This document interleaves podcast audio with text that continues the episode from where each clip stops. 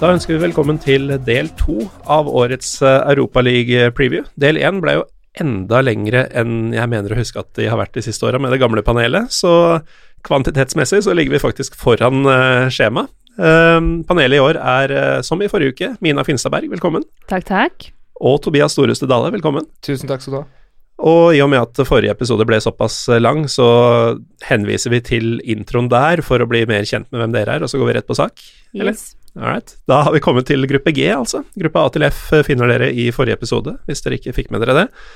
Og i gruppe G, der finner vi greske AEK, vi finner engelske Leicester, vi finner portugisiske Braga, som vanlig, og vi finner ukrainske Zoria. Og um, du uh, sa jo tidlig i forrige episode, Mina, at du er glad i å følge alfabetet. Ja. Ifølge den skal vi starte med AEK. Ja, vi kan jo Vi kan godt gjøre det. Det er jo litt morsomt for meg, da, som har et nært forhold til Tyrkia, at de to greske lagene i gruppespillet begge kommer fra Konstantinopel, altså dagens Istanbul, opprinnelig. Eh, Det er det K-en betyr i både PAOK og AEK. Men eh, Ja, å, dette var nytt for deg, det var nytt for meg. Ja. Og jeg er veldig glad når jeg kan lære sånne ting. ikke sant? Så da Du så det lyste litt opp i øya mine det, der. det gjorde det. Eh, det var gøy. Det er ikke alltid, alltid jeg kan bidra med ny informasjon på, for folk. Eh, det er stort sett det, gamle, det samme gamle mølet som de har hørt før. Men eh, er det noen her som har noe forhold til, til AEK? Tja Vi var jo litt innom hvor, hvor sinnssykt det kan gå for seg i Hellas i forrige episode, i og med at PAOK-presidenten trekker pistol og sånn, men jeg har inntrykk av at det er litt roligere i, i Aten.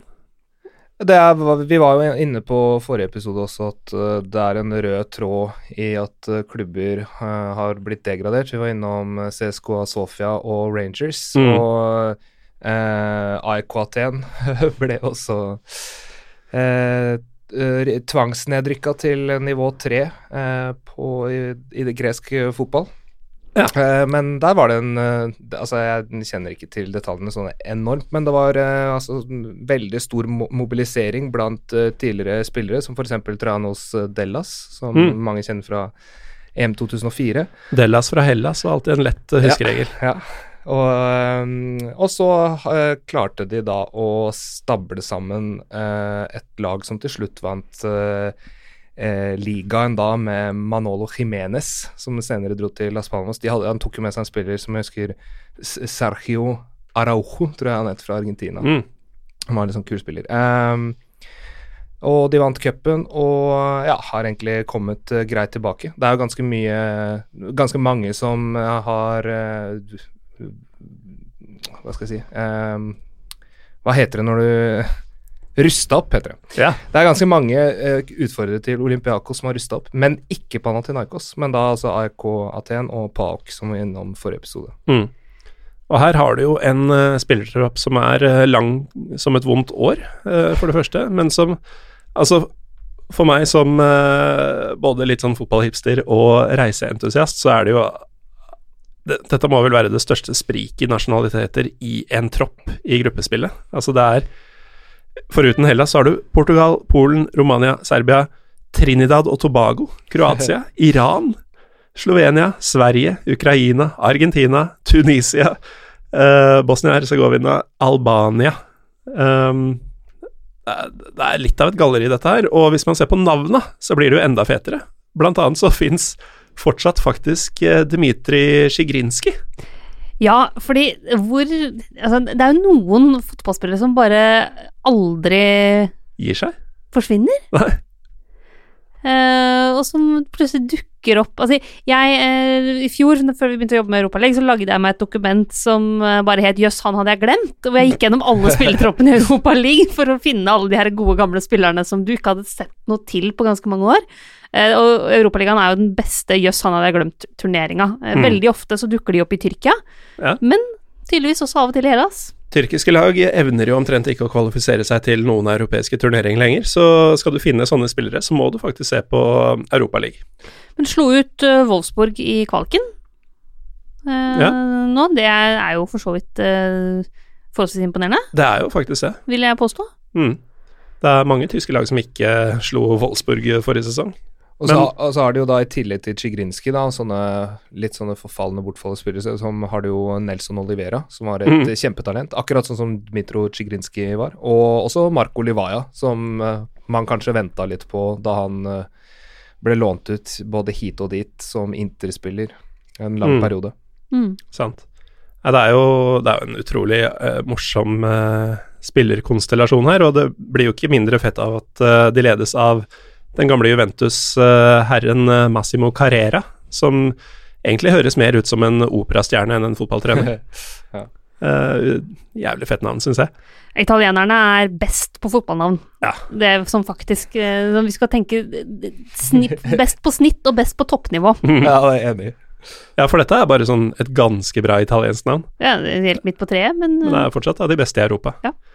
Um, det er jo da Vi har jo vært litt inne på det kaoset som er gresk fotball. Uh, litt da vi snakka om Pauk, litt du var inne på det nå, Tobias, med at uh, dette er enda en klubb som har blitt tvangsjustert, holdt jeg på å si, pga. økonomi. Og de uh, har jo også hatt et stadionprosjekt gående i Yes. sikkert 10-15 år nå, må det være, som aldri ser ut til å komme på plass. Tegningene ser helt rå ut, men de blir liksom aldri ferdige, og derfor så spiller de da fortsatt på dette olympiske anlegget Waka, som, eh, som jeg var så heldig holdt jeg på å si, å se en Panathinaikos-kamp på i fjor, blir det vel. Eh, det styrtregna. Panathinaikos er jo ikke hva de en gang var.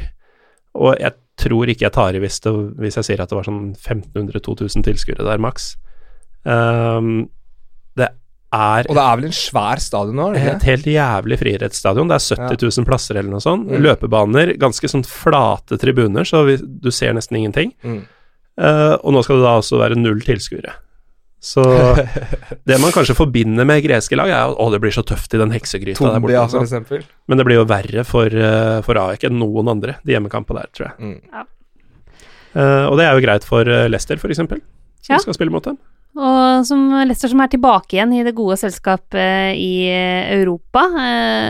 Altså, det, det, det er nesten lett å glemme hvor nylig Leicester var en championship-klubb. Ja, og Champions League-klubb. Ja, ja, men, men altså, det, det er jo et av de lagene som virkelig har vært eh, berg-og-dal-bane de siste åra. Fordi de hadde jo den sesongen selvfølgelig hvor de vant, som er liksom mm. noe av det eh, rareste som har skjedd i fotball de siste 20 åra, vil jeg påstå.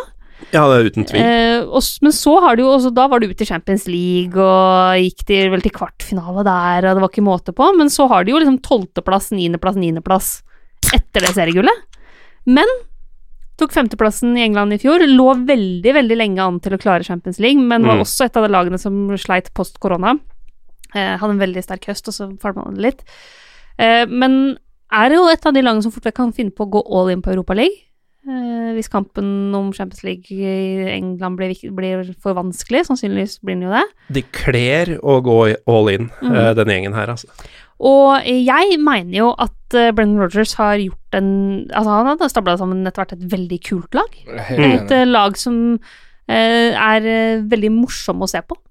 Seinest eh, mot City, da de hamra Pep Guardiola nå før landslagspausa. Du har en, en Jamie Vardy som, som bare ikke blir eldre. Eh, For øvrig, altså en av de tingene jeg liker veldig godt med Jamie Vardy, det er mye å like med Jamie Vardy, han sitter og snuser på benken, og det er mye stas der, men det er jo den historien om at han eh, han går alltid sånn og hører med lagkameratene sine om de kan lære han liksom de sånn verst mulig fornærmelser på morsmålet deres. Mhm. For han vil jo kunne på en måte slenge dritt til flest mulig stoppere i Premier League på deres morsmål, for å liksom sette dem ut, da. uh, så det er en sånn triks for å komme litt inn i huet. Hvis det plutselig smeller liksom hestkuk til en eller annen norsk stopper fra en Jamie Vardy, så blir du jo forvirra, ikke Ja, sant? og det er litt spesielt fordi det er han. Ja. Fordi du ser for deg en fyr som nesten ikke kan snakke engelsk, og så slenger han ut uh, Ja. på fire språk i løpet av en match, liksom. Så det er utrolig mange fine og artige spillere. eh, Så det blir spennende å se dem i Europaligaen i år, altså. Hvis jeg skulle gjort holdt på å si ting på nytt igjen, da. Uh, starta som sånn ny fotballentusiast, eh, så tror jeg fort Leicester hadde blitt favorittlaget mitt i, i England. Ja. Jeg liker den, eh, den troppen her veldig godt. Og det er, jeg syns Leicester er et sånt der interessant eksperiment for å rett og slett stadfeste hvorvidt Premier League-lagene er fullstendig dominerende eller Mm. ei, da. Ja, det er Fordi ehm, Spørsmålet er om er de gode nok til å da hamle opp med sine nasjonale konkurrenter i eh, f.eks. Tottenham og Arsenal. Kanskje også andre lag som ryker fra Champions League. Sikkert ikke så mange. Eh, men sånn jeg ser den troppen her nå, så er det liksom sånn Hvis jeg har snakka forrige episode om eh, ja, annet Roma, Napoli, Real Mm. Sociedad, de italienske spanske Men jeg syns ikke Leicester står noe tilbake for noen av dem. Eh, Du ser det laget de har. Ja, og ikke sant.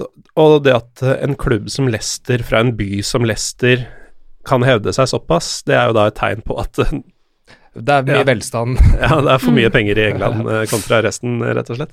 Så er jo Leicester et lag som eh, kan lykkes Altså, de kan utnytte andre store lags svakheter. Mm. Eh, Det har de jo vist et par ganger, og det kan bli spennende å følge hvis de virkelig satser alt de har på eh, Europaligaen, altså. Og så har de en del spennende unge spillere som uansett kommer til å få spilt i, så det blir også gøy. Og så syns jeg det er litt sånn interessant poeng da, med at eh, ja, det er mye penger i Premier League og sånne ting, men hvis du ser på de spillerne som virkelig har tatt uh, Leicester framover, Riyad Mahrez, Ngolo Kanté, Mm. Shaglar Sjunku, uh, Kasper Schmeichel, Jamie Vardy, så er ikke det spillere som har vært Uh, veldig ettertrakta når de har blitt henta av Leicester, så de har jo faktisk gjort mye smart der. Ja. Og de har solgt godt òg. Ja. Herlighet så mye spenn de fikk for Harry Maguire, for eksempel, da. Eh, jo, men så viser det seg at de, bedre de har jo De hadde jo erstatteren på plass allerede, ikke sant, og de har jo mista Ja. De har jo mista én sånn nøkkelspiller minimum hver, hver sesong, da, Mm. siden de ble gode, Mm. på en måte. Eh, og likevel så klarer de å hevde seg igjen. Jamie Vardy fortsetter å være der, liksom, men de, men de signerer smart og selger smart. Eh, så ja. Og eh, må bare skyte inn det. Eh, Wilfred Ndidi. Det er Ah. ikke mange spillere som er bedre i verden i hans posisjon enn det han er. Nei. Nei, det har du helt rett i. Og da er jo spørsmålet da om uh, f.eks. Braga, som vel Er dere kjent med uttrykket 'ever present'? Det er sånn typisk engelsk fotballuttrykk. Eh, når noen har spilt hver eneste, hvert eneste minutt av ligasesongen, så har de vært 'ever present'. Braga må jo nesten være 'ever present' i Europaligaen. De, de er jo alltid med. Ja, de, de er jo et av de lag som er sånn uh, De er eh, gode, men de er på en måte ikke De er ikke Porto, Sporting, Benfica, liksom. Mm. Eh, men de er jo stort sett et, altså de er et godt lag som ofte er med Uh, Ofte kan hevde seg. sånn litt, i hvert fall. Men jeg er jo Altså Braga er jo et, et lys i mitt liv um, i europaligasendingene. Det er fordi at eh, jeg jobber jo da mye med Jon Børrestad, som gjerne er leder for de Europaligasendingene. Eh, og han er veldig god på å finne sånne spesielle ting ved klubber og supportere, ikke minst, og henge seg oppe. Og blant annet har vi da hatt dronningen av Braga, eh, som vi fulgte ganske tett forrige sesong, som var en, en ganske godt voksen dame, som alltid var til stede på kamp med sånne gigantiske flagg og mye frisyre og mye liksom øyenskygge og greier. Altså, hun må ha vært i hvert fall 60, kanskje 70, liksom. Så dronningen av Braga var eh, en, en, en dame vi fulgte veldig tett eh, forrige sesong på alle Bragas kamper. De gikk jo videre fra fra gruppespillet røyk i i 16-delsfinalen mot uh, Rangers. Eh, Men dessverre så blir det jo ikke noe dronningen av Braga denne sesongen her, så lenge Nei, det er tomme tribuner. Men hvis de går videre fra gruppespillet, og uh, det får være folk på tribunen over jul, så gleder vi oss veldig til å ønske dronningen av Braga tilbake, altså. Burde ikke hun få en slags plass i sånn eierlosjen, eller Jo, eh, burde det. Burde det. Uh, ellers så har de jo uh, Nicolas Gaitan, Mm. litt sånn eh, spiller som jeg eh, hadde glemt litt før han Ja. tok opp igjen i Braga. Han som skulle til Manchester United hver sommer ja. fra 2010 til 2016 eller noe sånt. Uh. Eh, Rui Fonte, altså lillebror Fonte, uh, er jo der. Uh, Abel Ruiz fra Barca B Mm. er der. Det er liksom en god Galeno. Ja. Veldig, veldig sånn rask og spennende kantspiller. Og Ricardo Orta, som jeg tror faktisk var innom portugisisk landslag for noen år siden også. Så det er jo men, ja, Det er jo en gjeng som du nesten må ha et eh, godt øye til portugisisk fotball for å, for å kjenne til. Da. Eh, når jeg kaster et blikk på dette, så er det ganske blankt. Eh, men selvfølgelig fett at det fins en libyer på midtbanen i Ali El Mosrati. Uten at jeg veit noe som helst om han, men han har drakt nummer åtte, så han må være relativt sentral. Eh, og dem er det ikke mange av i, i Europaligaen i år. Men eh, Braga, altså til tross for at jeg i hvert fall ikke har hørt opp noen særlig av spillerne, må jo være å regne med som de, som de alltid er. Um, AEK og Leicester skal nok få bryne seg på dem, men uh, hva da med Zoria, som, eh, som også er litt sånn blitt en traver i Europaligaen? Mm. Ja, men ofte røyke i gruppespillet. Nei, Ja. røyke i kvaliken. Ja, også en del år, uh, fordi eh, de røyk mot Español i fjor i kvaliken. Og så røyk de mot Leipzig i 18-19-sesongen. Mm. Eh, så var de med, men de, jeg husker vi husker det jo veldig godt fra 17-18-sesongen, da de havna, var i den gruppa med Østersund Ja, ja, ja. og Atletic. Men da røyk de jo i gruppespillet fordi Mm. Østersund hadde den der fantastiske sesongen sin. Så lurer jeg på om det var året før det, hvor de var i gruppe med United, eh, Fe Mm. Feyenoord og Fenerbahçe. Ja. Um, Men nå har de jo kvalifisert seg direkte, så da, da røk de ikke i kvaliken. da er det vanskelig de å ryke i kvaliken. Uh, og det er kanskje like greit at de slapp eh, kvalik, fordi de har jo ikke noe, noe hjemmebane. Uh, for hundrede år på rad, føles det som, og dette er ikke på Dette er jo historien om ukrainsk fotball. Ja, det er det faktisk, og i hvert fall øst-ukrainsk fotball. Fordi uh, som, um, som mer kjente Sjaktar, f.eks., så får de da ikke spille hjemmekamper i Europa i, i Øst-Ukraina, fordi det er såpass betent mellom russiske separatister og ukrainerne. Eh, Så i stedet for Luhansk, som de kommer fra, så spiller de i Zaporizjzja. Og dette er jo selvfølgelig bare Vladimir Putin sin eh, skyld. Um, det er vel Altså uten publikumsaspektet, og med tanke på at de har vært med noen ganger før, så veit ikke helt om vi klarer å finne opp noe krutt på Zoria her, men eh, dere er velkomne til å prøve. Nei, bare som kanskje mange veit, men etter at eh, Dnipro Dnipropetrovsk ble oppløst, så eh, Eller mista plassen, da, i hvert fall, i den ukrainske toppdivisjonen, så er det jo de som har befestet seg som den så, klubben som riktignok er langt unna, men nærmest uh, Dynamo Kiev og Sjakta Donetsk Mm. i Ukraina. Så jeg føler at de tar med seg i hvert fall en stabilitet og en viss erfaring, da, som kanskje ikke skal undervurderes. Den ukrainske ligaen er jo ikke den, øh, Den er jo ganske bra. Den er ganske bra. Og det, jeg hadde faktisk en eh, sånn eh, samtale med en på jobben i dag, som eh, i fullt alvor lurte på om russisk fotball var noe bedre enn norsk, altså russisk liga Mm. bedre enn norsk. Og da slo det meg hvor, hvor fort gjort det er for folk å undervurdere f.eks. Zoria. Da. Mm. Fordi både ukrainsk og russisk liga vil jeg tro er Altså russisk definitivt, ukrainsk også kanskje inne på topp ti i Europa. I hvert fall topp 15. Ja. Mm. Ja. Kontra norsk, som er uh, topp 25, kan vi si, norsk Ja. ja. eliteserie her. Mm. Så Leicester eh, favoritter til å gå videre her, men jeg syns det er litt åpent eh, om hvem som slår følge med dem, altså. Er det såpass? Du er ikke gift med Braga Nei, altså jeg er jo først og fremst fan av dronningen av Braga, og hun er jo siden ikke med nå. Siden hun ikke er med, så er de Nei, da, da blir det tungt for gutta når ikke eh, mor står og heier på tribuna. Ja, men det, det kan jo faktisk hende at, Ja. de, at de merker det. Um, har Braga fortsatt det der sinnssykt fete stadionet med et fjell som uh, i stedet for tribune? Eller har de flytta? De Det vet jeg ikke, men jeg vet, vet hva du sikter til. ja. Det, jo da, Jo, de har jo det fortsatt. det, det ringer noen bjeller fra Mm. noen skjermer fra Ja. forrige sesong der, Bak, altså. bak det ene målet så Ja. er, det, er det et fjell, og ingenting annet. Uh, det er jo um, det, det får være liksom dronningas stedfortreder, Ja. da. Eh, kall det mannen, eller eh, hva man kaller fjell i, i Portugal. Eh, men i hvert fall Leicester videre, og så får vi se da om Braga karer seg videre uten dronninga. Hvis ikke så blir det Aek eller Zoria, og det gjør ikke meg noe om så skulle skje. Videre til gruppe H. Og her du, du nevnte mot slutten av forrige episode, Mina, at du hadde en kandidat til til Dødens gruppe. Er det denne, eller? Ja, det er den her. Hvem, eh, hvem er det som står i veien for, eh, for ditt Milan? Eh, Det er både Celtic og Lill og Sparta Praha også, på en dårlig Milan-dag der, så kan de finne på å skape trøbbel, altså. Nei, jeg, så jeg syns den gruppa her er høyinteressant. Mm. Og det er ikke gitt hvem som går videre her, altså. Syns jeg. Nei, det er det ikke. Um, vi kan jo spare Milan litt, da, fordi folk kjenner til dem. Um, skal, kan ta Celtic. Um, slipper å møte noen eh, norske lag i år, men uh, ja. Er, er Celtic fortsatt Celtic, eh, Tobias? Eh, altså, de har jo nå fått inn Neil Lennon, som de hadde stor uh, suksess med for uh, noen år siden. Uh, som var trener sånn rett rundt Rangers fall, som vi var inne på i forrige episode. Mm. det som jeg syns er sånn beundringsverdig ved Celtic, er jo måten de har drevet klubben på gjennom mange år. Eh, hvor du da hadde først at Fergus McCann tok det over i 94.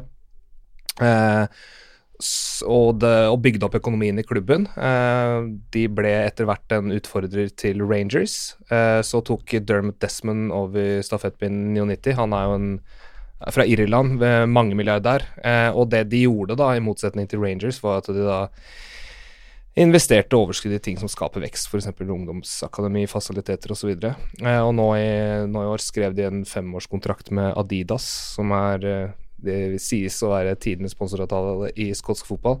Så mm. basert på det, så tenker jeg at eh, Celtic alltid får det til å gå rundt. Og så er det selvfølgelig et tap at Brendan Rogers ikke er der lenger, men jeg ser at de har henta inn spillere som jeg tror eh, kan eh, bli god for dem, f.eks. Diego Laxalt, som mange husker fra VM 2018. Litt gøy om det er han som uh... Sender Milan ut. Det er klassisk, det. Han er jo da henta lånt inn fra, fra Milan. Uh, som Han har en veldig sånn uh, artig vri med rastafletter og briller, som er liksom du ikke ser så ofte mm. på fotballspillere, men det kan bli gøy, det. Tilbake til Edgar Davids, omtrent. Yes. uh, men Celtic har jo også en del unge spillere som, eh, som er veldig spennende. Uh, som, uh, så er det jo selvfølgelig Ayer og Moi, som er to av de norske innslaga uh, her. Albian Ajeti ja, han, ja, han kom inn dørene. En av jeg tenkte på, fra Westham. Ja. Han har jeg lyst til å trekke fram, for han har vist på tilsvarende nivå tidligere, yep. selv om det ikke ville seg i Westham, at han har mål i seg. Jeg ser, bare kikke kjapt nå, at han, eh, han, har fem eh, mål på seks seriekamper nå. Mm.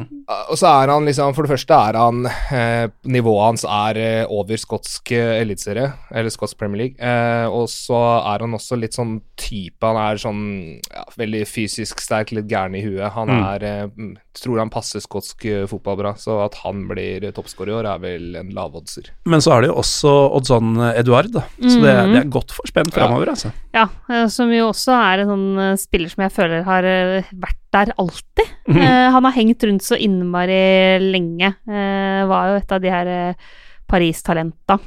Ja. sånn Jeremy Frimpong, som de har fått inn fra Manchester City. 19 år gammel. 2000-modell. ja, for dette er ikke klassiske Frimpong? Nei. Eh, dette er en ung Som, En yngre Frimpong. altså, jeg må bare nevne om gamle Frimpong. Han gikk jo til russisk liga. Uh, han var jo en karakter, som vi sier på Romerike, i, i, Arsenal. Uh, dro til russisk liga, og så poserte han med drakta si med nummer og sånn. Og så er jo det på syrillisk, eller ja. kyrillisk, mener jeg. Uh, og så var det Det var på Twitter, tror jeg jeg så det, at um, hvis man transkriberer det, som, som Ina liker å gjøre på fritida, ja. så sto det 'dench' som i Judy Dench, liksom. Og uten at det var noen forklaring på det. Han hadde bare gått for Dench på ryggen. Okay. Veldig rart. Veldig, veldig rart. Han er jo ikke normal. Men eh, ja, nei, men Celtic alt i alt. Eh, ungt lag, kult lag, eh, blir spennende å, å, se. Ayer er jo blant eh, veteranene, nesten. Mm. Eh, her. Eller, du har et par andre, og du har liksom Shane Duffy, blant annet. Han også har vært ute en uh, vinternatt uh, før, altså. Neil Bitton, Scott Brown, Lee Griffiths. Ja. Det er jo noen uh, du har sett før her. Men en som, en som vi må trekke fram når vi snakker om unge spillere, som ikke er i A-stallen ennå, så vidt jeg veit, det er Karamoko Dembélé. Mm. Som på en måte er sånn Skottland slash Englands svar på Dembélé. ja, men han, han, også har vi snakka om lenge allerede. Altså, jeg ja, ja, så klippet han som 15-åring og drev og herja. Jeg mener han debuterte for Celtic da han var 15. Ja. Han har jo eh, kamper i Eliteserien, kanskje ikke så mange, men han har spilt for Celtic i, i Scots Premier League. Men når vi, når vi, først snakker om denne gruppa og spillere vi venter på og er spente på mm. um, Sparta Praha har jo, uh, ifølge internett, omtrent Europas største talent på, på laget sitt, uh, Adam Klosjek. Ja. Eh, hva kan vi forvente her denne høsten, eh, Tobias? Uh, det er litt vanskelig å si. Altså, jeg må tilstå at jeg har uh, Jeg har ikke noen førstehåndserfaring med ham, men jeg har sett han mye på YouTube. Han er jo, som du sier, han blitt uh, highlighta på internett som uh, et av de mest spennende uh, angrepstalentene i Europa. Uh, han er spiss, uh, og han har Hvis jeg skal trekke fram noe Han har et helt vilt tilslag med høyre. Han mm. skyter like hardt med innsida med høyre som andre skyter med vrista. Uh, bra fysikk. Han er også god i lufta. Han er Jeg tror, jeg tror han er 18 år. Um, han har nylig fylt, tror jeg. Okay, han greit, var 17 mot slutten av forrige sesong. Okay, ja, ikke sant? Fordi han er litt uvørende i stilen. Han minner meg mer om Daniel Bråten enn Cristiano Ronaldo i stilen. Enn så lenge, men det handler mer om at han er ung, tror jeg. Og det tilslaget hans er nærmere, nærmere Cristiano Ronaldo, men eh, Fylte 18. i juli, ser jeg nå. Ok. Nei, eh, han eh, Du har jo han derre Nå er ikke Spartak Moskva med. Jeg tror fortsatt Kral spiller for Spartak Moskva. Stemmer det. Kral var vel i Slavia Praha, mener jeg husker. Men nei, uansett. det er liksom de to da som er de store talentene i tsjekkisk fotball nå. Altså, jeg ser, nå, jeg ser nå at han ja. har, ifølge internett her, ja. fire mål og fem assist på seks seriekamper. Mm. Ja, ja, Han er, han er helt eh, Han er visstnok helt uh, sinnssyk, og uh, du har jo da um, Altså, dette er uh, Disse to er jo da Tsjekkias svar på Ødegaard mm. og Haaland. Ja, for vi må jo huske at uh, selv om han fortsatt spiller Fortsatt, han har akkurat fylt 18. Selv om han fortsatt spiller i, i Tsjekkia, så er ikke dette noe sånn Dette er ikke noe tulleliga. Dette er sånn klassisk uh, norsk bakgårdsliga-greie, men de har tre lag i Europaliga-gruppespillet. Mm. Uh, og, og, de har hatt et par-tre liksom. hvert år i flere år nå. Mm. Og de har jo hatt Victoria Pilsen, som mm. har vært i tre Champions League-gruppespill siden 2012. Så mm. tsjekkisk fotball Altså, norsk fotball kan ikke hevde å Norsk eliteserie da. Kan ikke hevde å være bedre enn tsjekkisk fotball basert på det, da. Som er da det eneste parameteret man kan bedømme det på, etter min mening. Men dette er jo den, også den norske gruppa.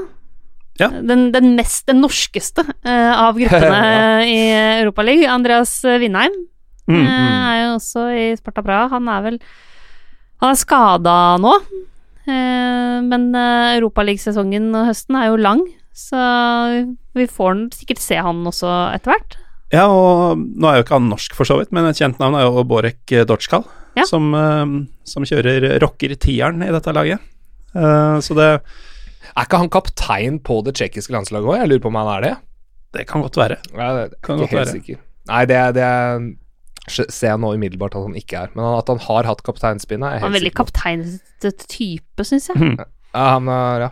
Men jeg merker, eh, når vi snakker om eh, Sparta Praha, og vi, vi, var litt inne på i forrige episode, var det vel, eh, en mulig rise i Sentral-Asia.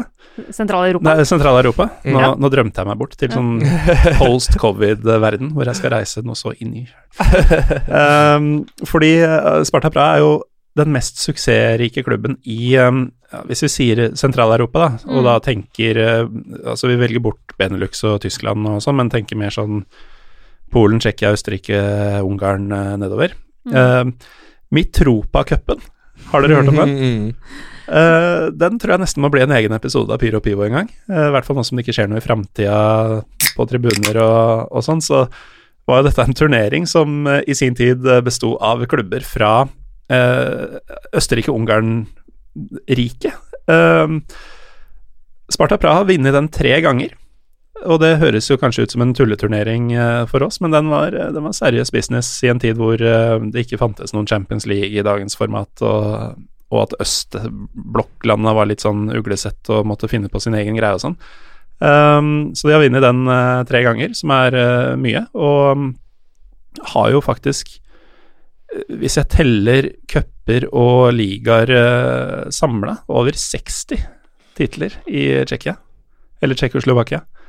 Så um, bunnsolid klubb, Sparta fra. Og nå tydeligvis i hjertet på en, uh, på en fremgangsbølge i, i tsjekkisk fotball. Um, så det, ja, du sa, Mina, at det er ikke sikkert at Celtic og Lill er de eneste som kan utfordre Milan her, faktisk. Jeg, jeg, tror Sparta kan finne på mye her. Ja, jeg mener den gruppa her er potensielt knallhard. Mm. Uh, og Lill er jo også et uh, lag som uh, er veldig, veldig spennende. Mm. Eh, Veldig. Veldig spennende. her har vi jo også en fyr som er sønn av sin far, i Timothy Vea. Ja. Eh, som eh, fortsatt er veldig, veldig ung, 20 år eh, gammel, men eh, eh, kom da til Lill i fjor sommer. Mm. Eh, har jo ikke fått kjempemye spilletid så langt denne sesongen, men det er jo nettopp den type også- spillere som fort vekk får det i Europa League, ikke sant? Ja, Får og så han, var- han har også slitt veldig med skader, altså. Mm. Så det kan ha en sammenheng. Så det er han er veldig jo- mye Veldig mange av framtidens stjerner finner du i, i elveren, og tydeligvis også utafor elveren i, i dette laget. Um, det var vel Lill som tok over den gamle uh, speideren eller sportsdirektøren til Monaco for et par år siden, uh, hvis jeg ikke tar helt feil. Og det har jo da resultert i at de har blitt uh, best i Frankrike på å finne nye talenter, Mm. selge dyrt, hente billig, selge de du henta billig, dyrt igjen, uh, osv. Så, videre. så nå har du da Altså, Domagoj Bradaric eh, er den neste store sidebekken fra Kroatia, og følgelig da fra Europa. Eh, du har en haug med Jonathaner, eh, Bamba, David og Ikoné, som alle tre er um, Ja, de, de kommer du til å høre mer om uh, snart. Mm. Ehm, de, de er glad i tyrkere, har blitt. Uh, noe som gjør at jeg blir glad i Lill. Så um, her også er det sånn Vi, vi har snakka Vi sa det om eh, NIS, eh, vi sa det litt om fransk fotball generelt eh, i forrige episode, men Lill også, altså. Et Mm. lag man bør prioritere å få med seg. For eh, her kan du være tidlig ute med noen, eh, noen skup. En som kanskje går Unnskyld. En som kanskje går litt sånn under loopen for eh, Nei, som eh, går under radaren for eh, eh, mange, er jo uh, Bobakari Somaré, Mm. som er 21 år, og som på en måte gjør den der grovjobben på defensiv midtbane for Lill. Ja. Uh, som jeg også, uh, så vidt jeg har forstått, skal være ja, en spiller som kan ta ytterligere steg. Han er bare 21 år. Um, ja, du er inne på det med Jonathan David. Uh, Jonathan Ikoné, selvfølgelig. Nei, jeg syns det er et uh, veldig, veldig spennende lag. Og et lag det kommer til å være verdt å liksom sette seg ned med notatblokka Mm. og skrive ned de navna som, som virkelig imponerer deg. Renato Sanchez er jo her, da. Ja, Apropos ja. han ble jo en parentes, nesten. Han er, jo nå, han er bare 23 år. Jeg måtte gni meg litt i øya når jeg så det. Men eh, for han eh, var jo et av de største talentene i VM, nei, EM 2016, hvor han var så vanvittig bra. Og så har det liksom uh, stoppa helt opp. Men er en del av laget her. Tenk Eh, at han var på vei til Rosenborg, da. Det er så sjukt å tenke på. Det er veldig, veldig, veldig, veldig spesielt. Men det er et lag hvor jeg tenker at altså, eh, mye unge spillere, eh, mange som eh, sikkert kommer til å få sjansen i Europaligaen. Men en tøff gruppe sånn sett, fordi det er jo ikke nødvendigvis mot Milan eller Celtic du hiver på unggutta for å gi dem erfaring. Nei, det er ikke det. Eh, Men, men Lill bruker jo unggutta uansett Generelt, hvem du ja. møter. Men jeg sy- syns liksom bare sånn for å Hvis jeg skal kritisere Eller liksom for å bare få ta Lill på noen, da. De har bytta ut Osimen med eh, Burak Yilmaz. Ja. Hvor Ja, lenge var varer David, da. han? Ja, og David, for så vidt. Men eh, Eller det er vel kanskje han som er hans direkte erstatter. Men eh, Men det er, det er rart. jeg, er litt, jeg er alltid litt sånn Men når man henter inn så eh, erfarne spisser, så lurer jeg på hvor lenge holder de? Skal i helt ny liga og sånne ting. Men Ja, han er jo- en bra spiller, selvfølgelig. Jo, men Borak er jo ikke en som har gjort noe på klubbnivå på høyere nivå enn en Tyrkia tidligere. Nei, bortsett fra at han var veldig eh, god i 12-13 for Galatasaray, da. Når, ja, jo, men det er jo i eh, ja, i Tyrkia, men Mm. i, ja, ikke sant? Mm. Så Nei. nei, Men han har jo gjort det tålelig greit eh, så langt. Eh, jeg stussa også veldig over den overgangen. Mm. Men um, som en eh, fin overgang fra Lill til Milan, så um, Rafael Leao uh, Mm. ble jo Han ble jo i sin tid erstatta av oss i menn, og det er ikke lenge siden. Ja, ja. Um, og da er vi plutselig lenger sør um, på kontinentet. Mm. Vi er da i uh, Stefano Piolis eh, relativt spennende, må det vel i hvert fall være lov å si, eh, Milan-lag. Ja, eh, for noen år siden så pleide jeg å si at Milan eh, så ut som en AFP-ordning. Eh, for det var liksom bare spillere for noen 30 pluss, og liksom det var bare sånn gratisignering, lånedealer, og Mhm. Det var en periode der hvor man henta inn Det var så trist en stund. Det, det der er jo et Milano-kompleks. ja, altså, man, man drev og hadde liksom uh, Henta SIN årevis etter at han var god, og det var, ja, Mm. det var mye rart som foregikk i Milan i lang tid. Nå ser det ut som det er mer stabilt enn på lenge, uh, med tanke på liksom, kontinuitet på trenersida. Eh, nå har man jo en fyr som snart har sittet i et år, og det Og, og Pioli er egentlig sånn Jeg syns det er rart at han har skifta klubb så mye i det siste. Fordi at eh, jeg syns han har gjort det ganske bra når han har vært i Fiorentina og Lazio og Inter. Han gjorde det ofte bra i starten. Ja. Uh, men, eh, ja, nei, men det er et uh, lag som er ganske spennende. Det er et lag som er forholdsvis ungt. Veldig mange av nøk Mm. altså, hvis, du, hvis du ser bort fra Zlatan Ibrahimovic, da, som ikke er veldig ung, så er veldig mange av nøkkelspillerne i det laget her i starten av 20-åra. Eh, Donnarumma eh, på keeperplass er jo fortsatt Han har bikka 200 kamper for Milan, men han er jo fortsatt 21 år gammel. Tenk det. Eh, det er så sjukt. Jeg husker det byen hans så godt. Det er sånn En 16-åring i mål, ok. Eh, Theo Hernandez eh, er Altså, jo Han og Chalhanolo virker å virkelig ha blomstra. Ja, og Chalhanolo var jo kjempedårlig kjempelenge Mm. i Milan. Ja, elendig. Men det var også litt fordi han ble brukt på kant. Ja, for han har ikke tempo. Nei, altså, er- jeg, har pleid å si at han er omtrent like rask som min 93 år gamle mormor på rullator. Eh, og det er klart at da passer du bedre i en tierrolle enn ute på kanten. Men Eh, foten hans er helt ok. Uh, Ante Rebic har funnet tonen med Zlatan Ibrahimovic. Uh, nå har man fått, man har fått en midtbaneduo i Benazer og Frankessi som er veldig, veldig solid. Benazer syns jeg har vært helt sjukt bra. Han syns nesten han har tatt seg forbi Frankessi. Av de Ja. kampene jeg har sett av, av Milan. Han har vært helt sjukt god. Men han var sånn Da han kom, så var det ikke Det, det var bare hipsterne som sa at det her er en helt vill overgang for Milan. Ja, men han var Ja, jeg- kanon i Empoli. Mm. Og så fikk jo Milan egentlig på plass en muntlig deal før Afrikamesterskapet. Hvor han jo ble kåra til ikke bare mesterskapets unge spiller, men også mesterskapets spiller. Og den gikk jo hele veien til finalen med Algerie der og vant eh, Afrikamesterskapet. Um, veldig, veldig bra spiller. Og så har man jo henta inn også Sandro Tonali. Som man, Så er det en viss bredde på midten her nå. det er en viss bredde, eh, men eh, dette er et Milan-lag som eh, De har vært sterke veldig lenge nå. De har jo ikke tapt en fotballkamp siden mars. eh, Men de holdt på å ryke mot Bodø-Glimt. Eh, De holdt på å ryke mot Rio Ave i den siste mm. avgjørende kvalikrunden til Europaligaen. Da var det jo en straffesparkkonkurranse med 24 straffer. Ja. Eh, og de, og de, altså, de fikk straffe på overtid i ekstraomgang, liksom, som redda straffekonken. Eh, det er et lag når, når da når Zlatan er ute med korona, og du mangler Romagnoli på stoppeplass og et par andre, så er det Det, er jo fortsatt mange spillere som er litt ujevne i prestasjonene. Det er derfor jeg sier at det ikke, jeg tar det ikke som en selvfølge at Milan går videre, selv om de er, er favoritter. Og så Mm. får vi se om Jens Petter Hauge får prøve seg litt da, i Europaligaen. Men det er jo liksom sånn derre eh, Milan har vunnet alt nå i serien, så vidt jeg meg bekjent. Eh, og de har hatt ekstremt mange skader. Ja. Så det er et eller annet i hele laget som fungerer. Og så vil jeg bare kommentere eh, spesielt Theo Hernandez, som jeg syns er eh, kanskje en av verdens fem mest spennende venstrebacker under 24 år. Og da Jeg kunne sikkert dratt på med tre òg. Er, nevnte Bradaric fra Lill med på topp fem-lista? Ikke umiddelbart i mitt hode, men jeg kjenner ikke godt nok til han. Så det, jeg tar forbehold om Altså, nå, nå snakker jeg om de Jeg snakker om um, Renan Lodi i Atletico Madrid. Jeg snakker Mm. om Chilwell, sikkert, uh, i Chelsea. Uh, og ja, nå, nå kommer jeg ikke helt på hvilke andre spennende venstrebacker som finnes der Nei, men ute. det, det, men, nei, er, men- det er eh, noen på gang nå. Ja, det må ja. være lov å si. Mm. Så med dette i mente, Celtic, Sparta, Milan, eh, Lill eh, Dødens gruppe.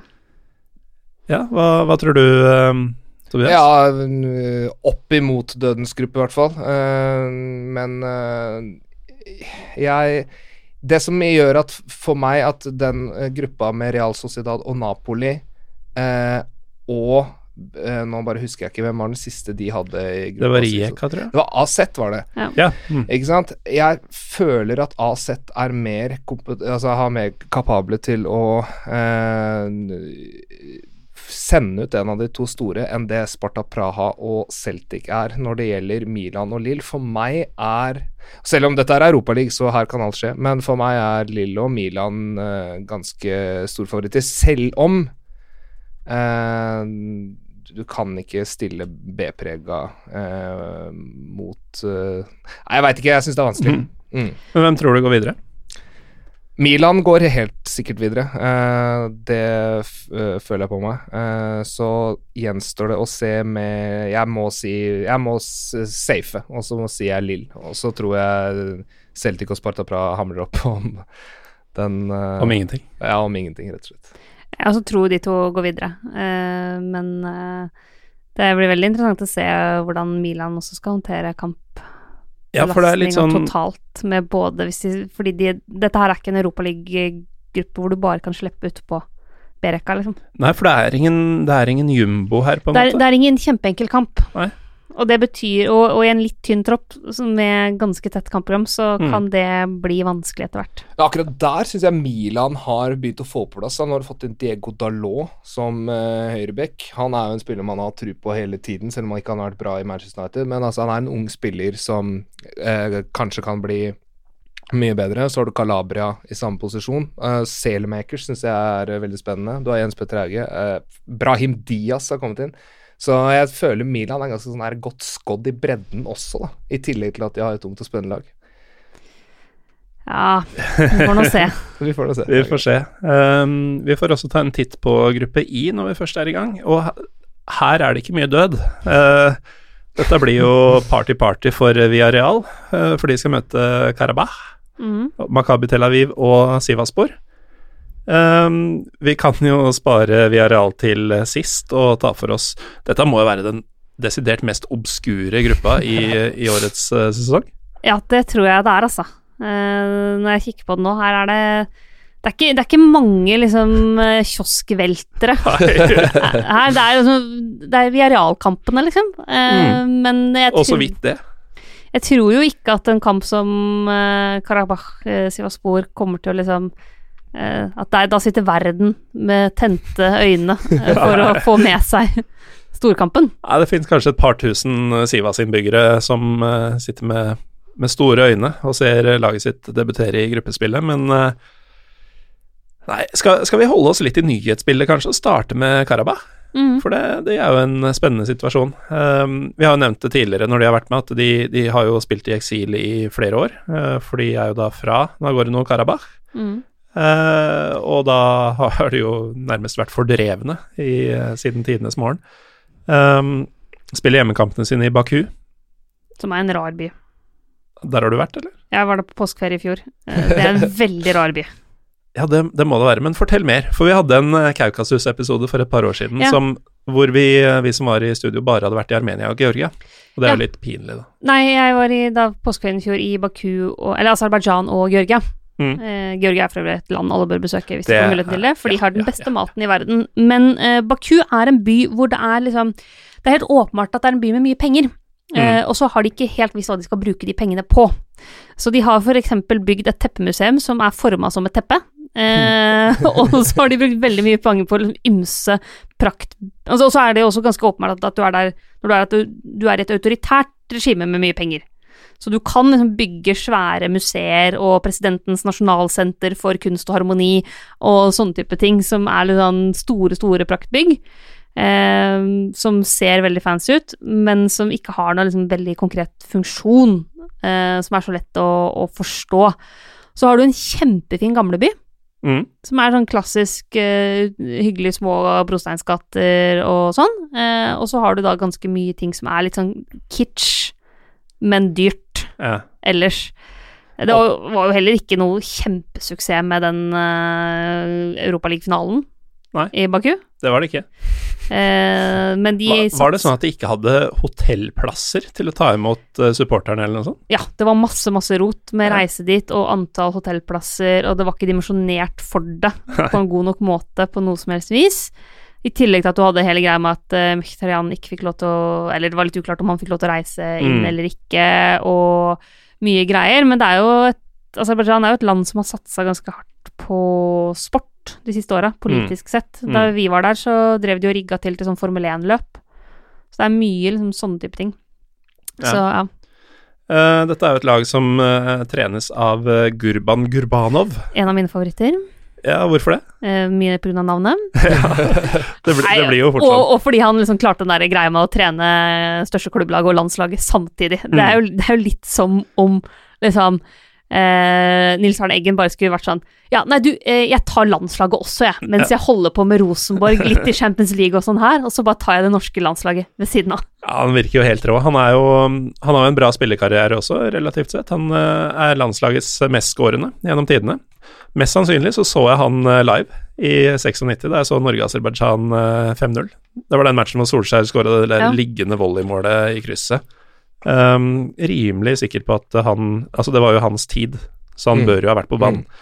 Um, har, um, har hatt dette laget i tolv år nå, så det er, det er veldig sånn eggensk eh, over det når du sier det. At han i tillegg hadde landslaget et par år, var jo uh, å gå Eggen en høy gang. Men uh, sju strake ligagull, rett og slett en legende i, i aserbajdsjansk fotball. Men en stygg ripe i lakken eh, fra mitt personlige perspektiv er jo at han ikke klarte å ta Molde. Det, det bør man få til. Uh, det, og det da etter å ha slått ut eh, Sheriff, som er en eh, gammel favoritt i, i Pyro Pivo, det, det henger ikke på greip. Du skal tape mot Sheriff, og du skal slå Molde. Men uh, dette laget her kommer ikke til å De går ikke videre. Eller? Spørsmålet Hvem er skal? eh, ja, hvem skal videre her, da? Ja. Fordi eh, vi har vel ikke voldsomt trua på Sivaspor. Og jeg kan si litt om hvorfor. De eh, overpresterte voldsomt i fjor. Eh, og det er jo litt sånn eh, Husker ikke hvilket land vi snakka om i forrige episode, men eh, at det er et lite vakuum. Altså, man forventer at Galatasaray Besjiktas Fenerbahçe skal ordne dette. Eh, kanskje dele ut litt til Trabzonspor iblant, men uh, av disse så har egentlig kun Trabzon fungert som noenlunde de siste par åra, og det har jo ført til at lag som Sivaspor kan utfordre litt. Og de, de var lenge en sånn slags gullkandidat uh, i fjor, men, men ramla sammen på, på våren, og har jo da, som de mindre klubbene som gjør det bra i Tyrkia, blitt ribba for de beste spillerne. Så det er da en skygge av et lag som egentlig ikke er så bra i utgangspunktet, som, som eh, spiller her. Um, Men, Men, ja. mm. det, det, er jo, det er jo hy sikkert hyggelig for uh, Karabakh å ha sympatisører i gruppa, for Tyrkia er jo veldig glad i Aserbajdsjan. Jeg tror Siv Aspor er en av kandidatene til å følge videre. Eller en av, er det åpenbart. Ja, men jeg ser at de har De har eksempel, Vi var inne på når vi snakka om polsk fotball og spanjoler i polsk fotball. Jorge Felix, som eh, kommer fra Piast Livice i eh, Polen. Eh, Mm. De har eh, Faisal Fire, som var i Chetaffe forrige sesong. Ja. Arona Kone. Eh, mange landskamper for eh, Elfenbenskysten er i troppen. Claude Mir, for de som husker han da Ståle Solbakken Ja, da, er han, han Ja. Claudemir. Ja, og Max Gradell, da, den store stjerna. Han er jo Ja. Nei, så jeg tror Sivaspor i hvert fall ser sterkere ut på papiret enn uh, Karabag. For meg er det enten Sivaspor eller Makabi Tel Aviv som eh, tar eh, plassen Mm. etter Villarreal. Men det er jo for så vidt en drømmetrekning for alle fire laga her. Ja, og det er jo kjempestas, fordi her må jo alle lag tenke at de har en mulighet. Mm. Eh, altså Villarreal skal jo videre her, eh, men Makabi Tel Aviv også må jo tenke at eh, her finnes det i hvert fall, i hvert fall muligheter eh, til å, å kunne hevde seg litt, da. Når vi går til, eh, til Israel, da. Også litt artig med Israel mot Tyrkia i denne gruppa for øvrig. Men uh, det er mye politikk i denne gruppa her. Ja. Det, det er fint. Uh, Makabi Tel Aviv um, uh, Om de hadde hatt Nåsa og Kjartansson, da hadde de blæsta gjennom denne gruppa, men det har de jo ikke. Um, har, vi noe, har vi noe på den? Livet etter, uten Kjartansson er alltid, alltid tungt, eh, vet du. Eh, nei, altså, jeg ser jo ikke kjempemye israelsk liga. Det har jeg rett slett ikke tid til. Det går for mange fotballkamper uh, i uka til å kunne ha orden, ha orden på det også. Um, så jeg ser de laga stort sett når de dukker opp i uh, Europa League, eller Champions League.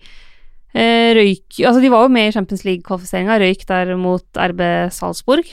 Men Mm. eh, det har eh, altså, Det er ingen skam, og ikke mot dem heller. De, det, og det var jo liksom som, som forventa, eh, egentlig. Da hadde de liksom tatt seg av eh, både Riga og Suduva og Dynamo Brest før det sa bråstopp eh, mot eh, Salzburg. Dynamo Brest. Ja, Men- det er lag du liker. De, de skulle vært med. Men Eh, eh, eh, Tel Aviv, du må huske på at de også Vi snakka om Hapol Beresheva, men eh, Makabi Tel Aviv eh, vant jo den israelske ligaen med over 30 poeng f eh, foran nummer to i Maccabi Haifa. Da er du relativt overlegen.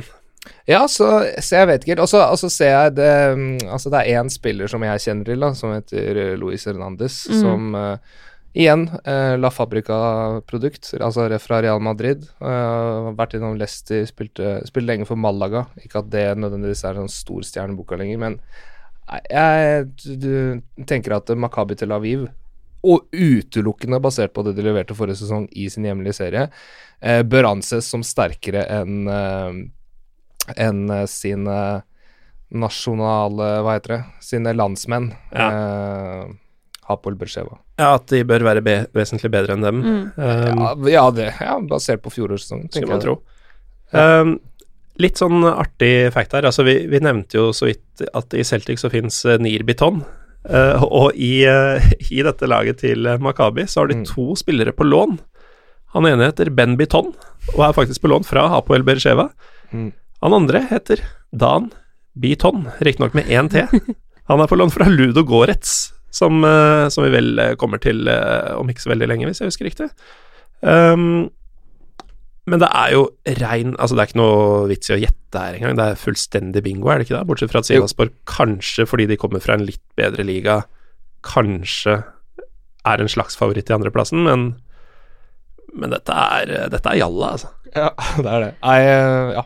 Den gode nyheten er at uh, det betyr at vi kanskje kan få se et par av de litt yngre Viareal-spillerne i aksjon. Mm. Uh, Villarreal Jeg hadde Villarreal på femteplass på mitt tabelltips for La Liga den sesongen her. Jeg syns de før sesongstart så ut som det femte beste laget i Spania.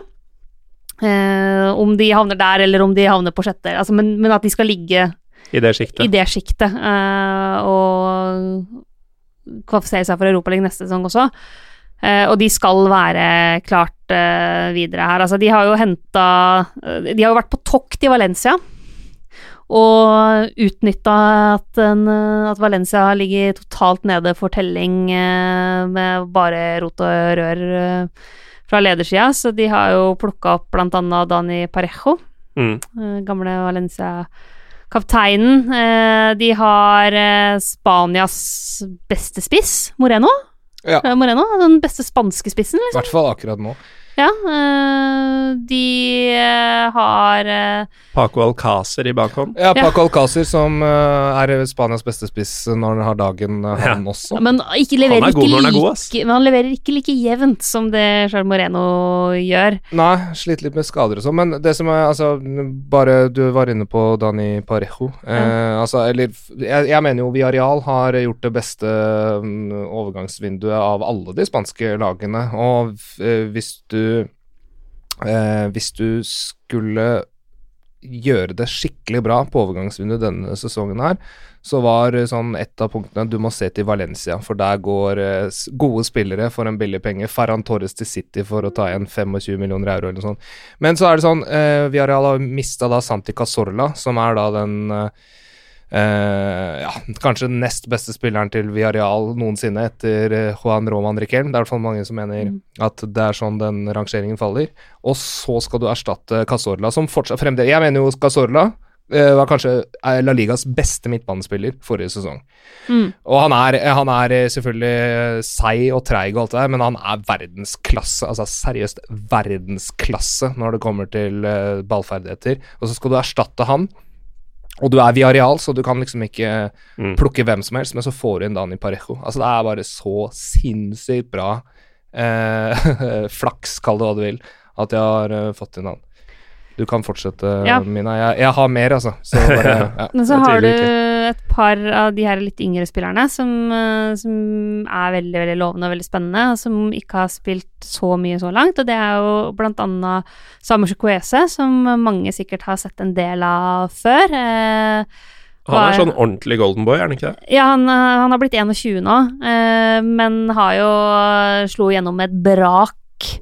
Og har en sånn X-faktor som gjør at uh, han kan trollbinde deg, liksom, når han først har dagen. Uh, han uh, er kjempegøy, generelt, syns jeg. Og så har du jo da på lån fra Real Madrid, så har de lånt Takefusa Kubo. Det er spennende. år, Som var eh, veldig, veldig bra for Mallorca på lån forrige sesong. Spesielt etter eh, korona. Da var han Ja. faktisk så bra at uh, hvis du tenker sånn årets lag i Spania, så var han uh, der omkring. Um, når det gjelder uh, Samu Chukwese, så var han, som Mina sier, han slo igjennom et brak. Og det var sånn du hørte om han mens han spilte på B-laget at eh, ok, han her han kommer til å spille seg fast inn i elveren i løpet av noen uker, liksom. Han var helt rått talent. og jeg skal ikke finne opp kruttet på nytt, skal bare si hva han har blitt beskrevet som. Han har blitt beskrevet sånn som spillertypemessig som Arjen Robben.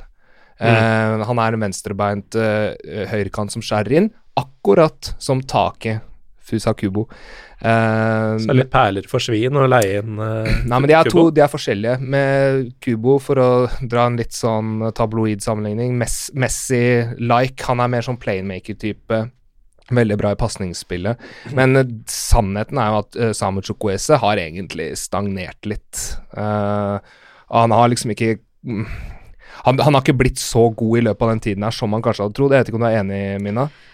Jeg er litt enig, men jeg tenker at han er fortsatt såpass ung at uh, det er på ingen måte for seint. Nei, nei, det er helt enig. Eh, men også var han så innmari langt framme så tidlig Ja. at uh, jeg og mange andre hadde liksom helt vanvittige forventninger til han. Mm. Ja, ja. Men Europaligaen kan altså han, han, Og det er jo sånn at han får fortsatt mye spilletid, altså. Det er ikke sånn at han er ute av laget på noen måte, Nei, men Og det er jo motstandere å spille på seg selvtillit Ja, ja, ja. mot. Og, men, men Kubo kan jo fort vekk bli liksom en av de store spillerne i Europa League eh, denne sesongen her, hvis han får det som sin lekeplass. Og så har jo vi Areal, med ta, apropos overgangsmarked, de har fått inn uh, Ona Emery, som er eh, eh, en supersignering for, eh, for Altså, han har blitt litt sånn uh, latterliggjort etter prestasjonene for eh, Arsenal og PSG. Slapp eh, Monaco foran seg som PSG-trener, blant annet, som er selvfølgelig helt uholdbart. Men det er en grunn til at disse klubbene ansatte han i utgangspunktet. Og så en eh, Jeg vil nevne eh, to ting til ved Villarreal før vi går videre. Det ene er Estopinian, eh, Mm. en ekstremt spennende venstreback som kom fra ja, Venezuela, tror jeg. Tror jeg. Mm. Eller Ecuador, jeg er litt usikker. Ja, nei, uansett, jeg tror han er fra, han er fra Ecuador, tror jeg. Eh, kjempespennende, sånn veldig moderne back, eh, rask. Eh, veldig god én mot én, Eller spesielt offensivt. Eh, og så har de også fått skikk på forsvaret sitt nå, med fått litt, litt bredde der. Pau Torres med et meget eh, bra venstrebein, blant annet. Og endelig var det riktig Endelig Pau så var det ikke Pau Lopez lenger. All right, så um, kort prosess for Villarreal her, og så Mm. kan det hende Sivasborg går videre, eller det kan hende Makabi Tel Aviv går videre, eller det kan hende Karabakh går videre. Stemmer. Um, gruppe J Kanskje Altså, her finner vi jeg, jeg skjønner jo de Tottenham-supporterne som skulle ønske seg litt saftigere motstandere, for uh, her skal de altså bryne seg på Ludo Goretz, Lask og Antwerp, fra Antwerpen. Ja. Um, kanskje dere har lyst til å snakke litt om Tottenham, og så er jeg straks tilbake? Ja, det kan vi godt uh, gjøre, vet du. Uh, ja. Eh, jeg tenker jo at eh, Mourinho går for trofé Ja. når han har muligheten til å ta et Som trofé. han, som han ofte har i sin andre sesong. Og han save Altså, han valgte jo Europaligaen som sin arena den ene sesongen i Manchester United, og gikk hele veien. Mm. Jeg kan se for meg at han kan gjøre det samme med Tottenham. Eh, nå skal det sies at Tottenham i det siste har sett helt vanvittig ut. Den sånn Kane-duoen, som nå skal få inn Gareth Bale som, og bli en trio, kan jo skremme vannet av de aller, aller fleste forsvarsspillere. Eh, så hvis de blir sluppet løs i Europaligaen, så er det bare å tenne et lys for eh, Ludo Goretz eh, og Lasko Antwerp, altså. Ja, altså, jeg eh, Nå husker jeg ikke helt Jo, han kjørte vel gans, relativt B-prega da han vant Europa League med, med Manchester United. Ikke helt, riktignok, men eh, Tottenham har jo Ja, altså, de har dobbel dekning i hver posisjon. eh, mer eller mindre. Eh, og det som Jeg skal være helt ærlig, jeg, jeg hadde faktisk Fordi den der konkurransen i Premier League nå, den er så enorm i toppen at én, minst én av disse eh, seks toppklubbene må falle fra. Og jeg trodde at det skulle bli Mourinhos eh, Tottenham, og har så langt eh, tatt eh, smertelig feil. Eh, men nå har du fått Harry Kane på det nivået som Altså på hans toppnivå. Da er han en av verdens beste spisser. Mer er det ikke å si om den saken. Eh, den beste spilleren til Tottenham mener jeg er den beste spilleren i Europa League, og det er uh, Son Young-min. Ja, han har vært helt vanvittig nå i det siste, og det er litt sånn Jeg tipper at Tottenham fort vekk kan sende ut andrerekka og likevel gå greit gjennom gruppespillet, eh, basert på, på sånn de er forspent nå. Og hvis Mourinho ser at dette her er vår mulighet, så kommer han til å gå all in. Og så bare tilbake til det Morten sa, da, da vi nevnte Soria Luhansk, som da var i gruppe med Feinor Fenerbahçe og Manchester United. Fenerbahçe, mener jeg. Unnskyld. Um, da var det Da kunne du ikke stille så B-prega, fordi nivået var høyere i gruppa. Men her eh, tror jeg Tottenham fint kan stille B-preget i alle posisjoner og fortsatt vinne den gruppa. Ja, det bør egentlig gå ganske greit for dem. Um, selv om man skal kanskje ikke gå i fella som uh, mange har gjort de siste åra, Mina, og undervurdere Lask fra Lins? Altså, eh, Lask var en av de virkelig store overraskelsene for meg i Europa League forrige sesong. De var jo mm. debutanter. Vi visste ganske lite om dem utover at de hadde dunka Lillestrøm eh, Det var vel 2017, var det ikke det? 2018. 2018 var det, ja. Det var noe så voldsomt. Også. Eh, men utover det så visste vi ganske lite om dem. De imponerte meg. De vant gruppa si. Altså, de var jo i gruppe med Rosenborg, men de vant gruppa foran Sporting og PSV. Mm. Det er imponerende. Ja, de slo ut AZ i 16-delsfinalen. Og så røk det jo så det sang mot United i åttedels. Ja. men, men jeg syns det, det, var veldig, veldig bra det de viste. Eh, de har dessverre mista verdens hviteste brasilianer, som de hadde forrige sesong. Eh, Joao Klaus. Eh, mm. Han er, eh, nå var på lån, han er, han er, ikke der nå lenger. Men de har blant annet en fyr som heter Thomas Goiginger, som er verdt å følge med på. Eh, Peter Mischorl, eh, Weisinger. De har et par spillere der som er veldig spennende, og leverte De, de imponerte meg. De leverte langt, langt, langt over eh, forventning. Og så møtte jeg også en gjeng av supporterne deres på Gardermoen da de, jeg var på vei til Bergen for å jobbe Europaliga-studio, og de var på vei til eh, Trondheim for å dra på Lerkendal. Mm.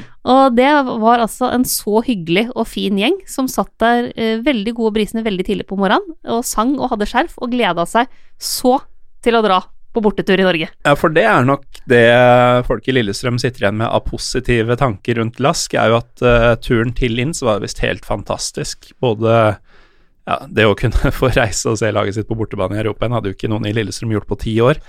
Uh, så det var litt sånn samme F hvor det blir. Men, uh, men Linz var en helt nydelig by å, å drikke seg dritings i, kunne hele det miljøet fortelle meg. Og det inkluderer jo selvfølgelig da de lokale heltene. Ja. Så ja, trivelig, trivelig klubb fra en trivelig plass med trivelige fans. Og så er det jo faktisk ganske sjukt at de har fått lånt inn Johannes Eggerstein.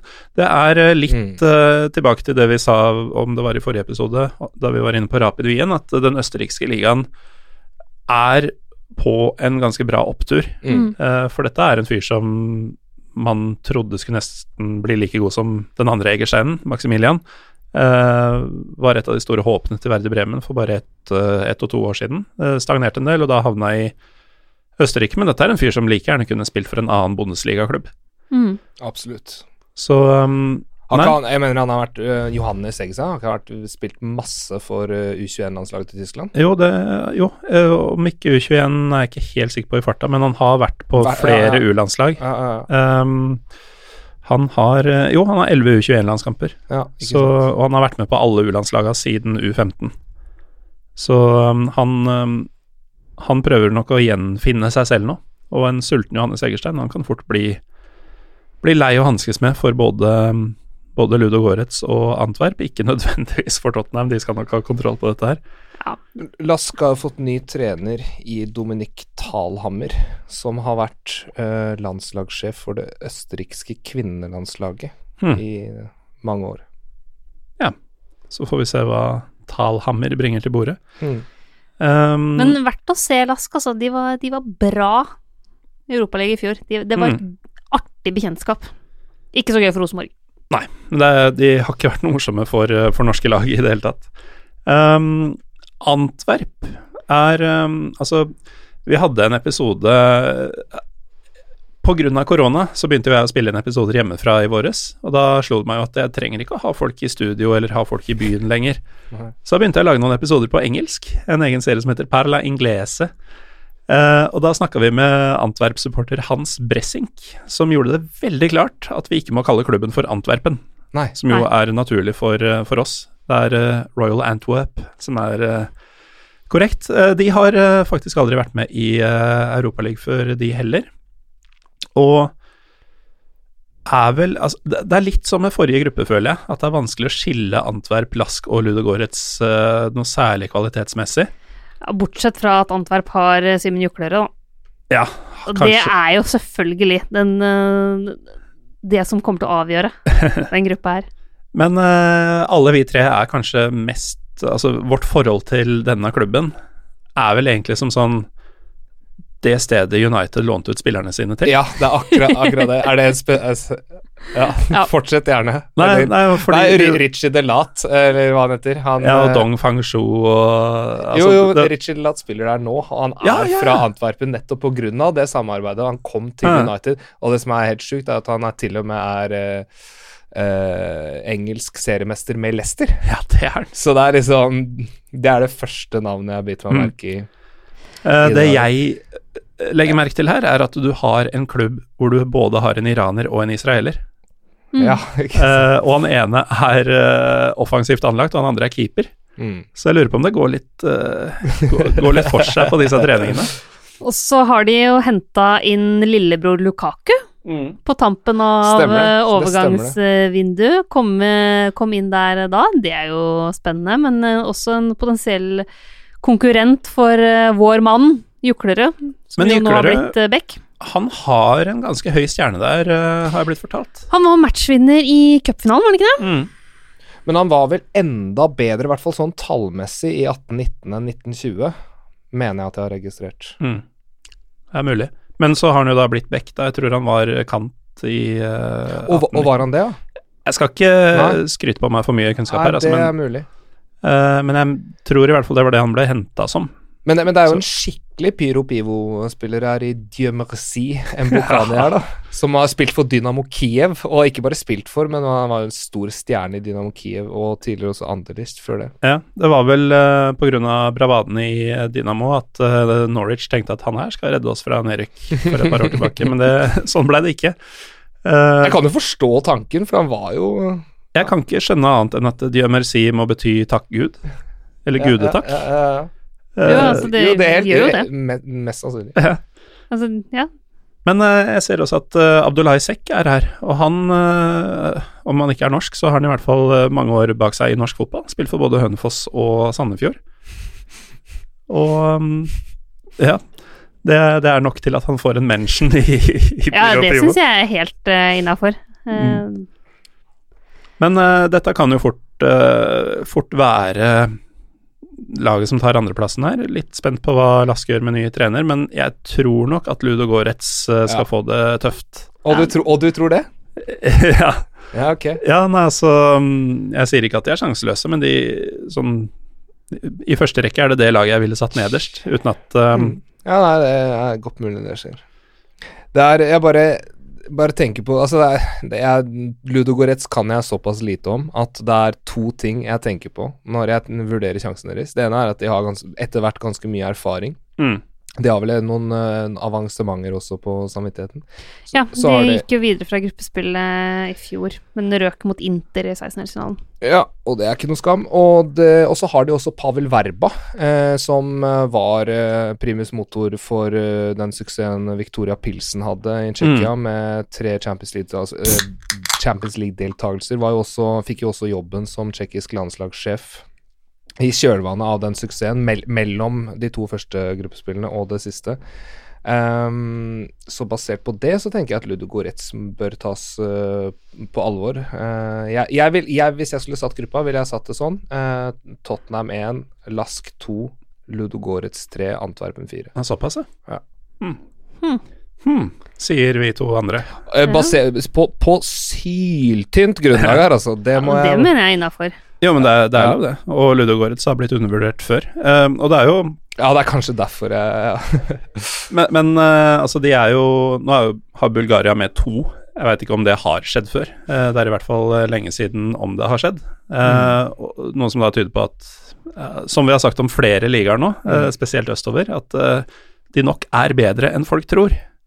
Helt klart. Um, men det kuleste Altså, vi har snakka litt om Ludogorets uh, hvert år, og det er en litt sånn herre Eierskapet der er ikke sånn supersjarmerende, det heller, men det får man heller høre på uh, forrige eller året før det eller året før det-episoden av. Um, men det som er kult med dem, er jo at du har en klubb fra liksom tjukkeste Øst-Europa som da heter Ludogorets og kommer fra Razgrad.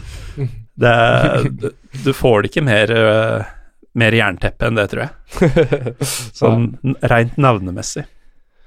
Um, Skal vi trekke fram et par spillere på Ludogorets også, eller? vi gjør det, og så går vi videre. Ja, jeg kan ta først av Kiril Despodov, som ble highlighta i, i forkant av Norges eh, kamp mot kamper mot Bulgaria i Nations League. Mm. Han er på lån fra Cagliari, tidligere CSK Sofia-spiller. Og så har du da Claudio Kesheru, som har blitt highlighta i forbindelse med Norges kamper mot Romania. Ja, og han, han har vært der i mange år. Ja, Mm. ja han, er, Cosmin Mozzi også. han er vel, sånn jeg har forstått det, kanskje stjerna på laget her. Mm. Um, det er vel Altså, det er et eller annet italiensk lag som har en uh, Despotovic. Uh, husker ikke hvem i farta. Uh, ikke, av de, ikke av de beste italienske laga. Kjenner ikke til. Men det best, betyr jo sønn av despot, eller despotsønn. og Despodov må rett og slett være den bulgarske versjonen av det. Det er helt nydelig. nydelig. Ja. Så det kan vi bruke mot han, da, hvis det, hvis det kommer til det. Og det skal vi. Eh, det. Vi gjorde det vel akkurat, tror jeg. Eh, Da har vi faktisk bare to eh, grupper igjen, og vi har holdt på i en drøy time, så dette kan faktisk klokke inn på Ja, vi, vi får se. Det er ikke noen hvem som helst vi skal snakke om. Eh, I gruppe K så finner vi CSKA, ikke Sofia, som i forrige episode, men Moskva. Vi har Dinamo Zagreb, vi har Feyenoord, og vi har Wolfsberger. Og siden vi akkurat snakka om Lask fra Østerrike, så kan vi jo snakke om Wolfsberger fra Østerrike også, Mina. Ja, eh, de var jo med i fjor også. I fjor var jo det store ulveåret i Mm. Europa League, hvor man hadde Wolfsberger, Wolfsburg og Wolverhampton. Eh, det var veldig stas for de av oss som uh, syns ordspill og sånn er gøy. Eh, de var Altså, de, de gikk jo ikke videre fra gruppespillet. Nei. Men de leverte et par kamper som var ganske interessante. Altså. Eh, De spilte hvis Nå skal jeg dobbeltsjekke at jeg ikke husker feil her, men jeg mener at de spilte uavgjort mot Roma og knuste Borussia München-Gladbach. Roma, som for øvrig har en ulv i logoen. Ja, ikke sant? Kunne ikke ble for vanskelig for dem i lengden eh, å spille mot ulvene da, vet du. Mm. Nei, men jeg er ganske sikker på at de, at de to kampene eh, Det var vel München, for de var vel i gruppe med Borussia München-Gladbach, ja. Ja. Eh, men det holdt jo ikke til, eh, til avansement. De endte jo sist i en ganske tøff gruppe. Det var gruppa som hadde både Basak Shahir og Roma og München-Gladbach. Så da blei Wolfsberg et hakk for små. Mm. Eh, men leverte likevel liksom godkjent, vil jeg si. Og navnemessig så er de mer enn godkjent, fordi klubbens fulle navn er Riegler und Zechmeister Pellets Wolfsberger Athletic Club. Eh, og det er en uh, tongue twister. Jeg skjønner at de bare har wack på, på logoen sin. Eh, og som om ikke det var nok, så heter treneren Ferdinand Feldhofer. Og det er jo omtrent det mest sånn tysk-østerrikske navnet jeg noensinne har hørt. Eh, og, det i en sterk konkurranse. Men eh, De har også en veldig raff logo, for de av oss som er glad i klubblogoer. mm, Ja, den- veldig sinna ulv. Den ser ikke ut som den er lagd i WordArt. Nei, den er pynta på ordentlig. Men uh, ordentlig ubeskreva blader i denne troppen. Eh, Dejan Jovelic, som skulle erstatte Luka Jovic i Eintracht Frankfurt, har kommet på lån til Wolfsberger, uh, som da tyder på at han ikke var mannen til å erstatte Luka Jovic. Eh, men eh, er vel fort den eneste jeg har hørt om i denne troppen. Um, Jeg kjenner ikke til eh, det laget her i det hele tatt. nei. Men de har to georgere, og det er alltid positivt. Ja, da får de garantert eh, god mat, i hvert fall, internt i laget. Mm. Det er stas, det. Ja, så fremt disse gutta kan uh, lage mat, da. Det er jo ikke helt sikkert.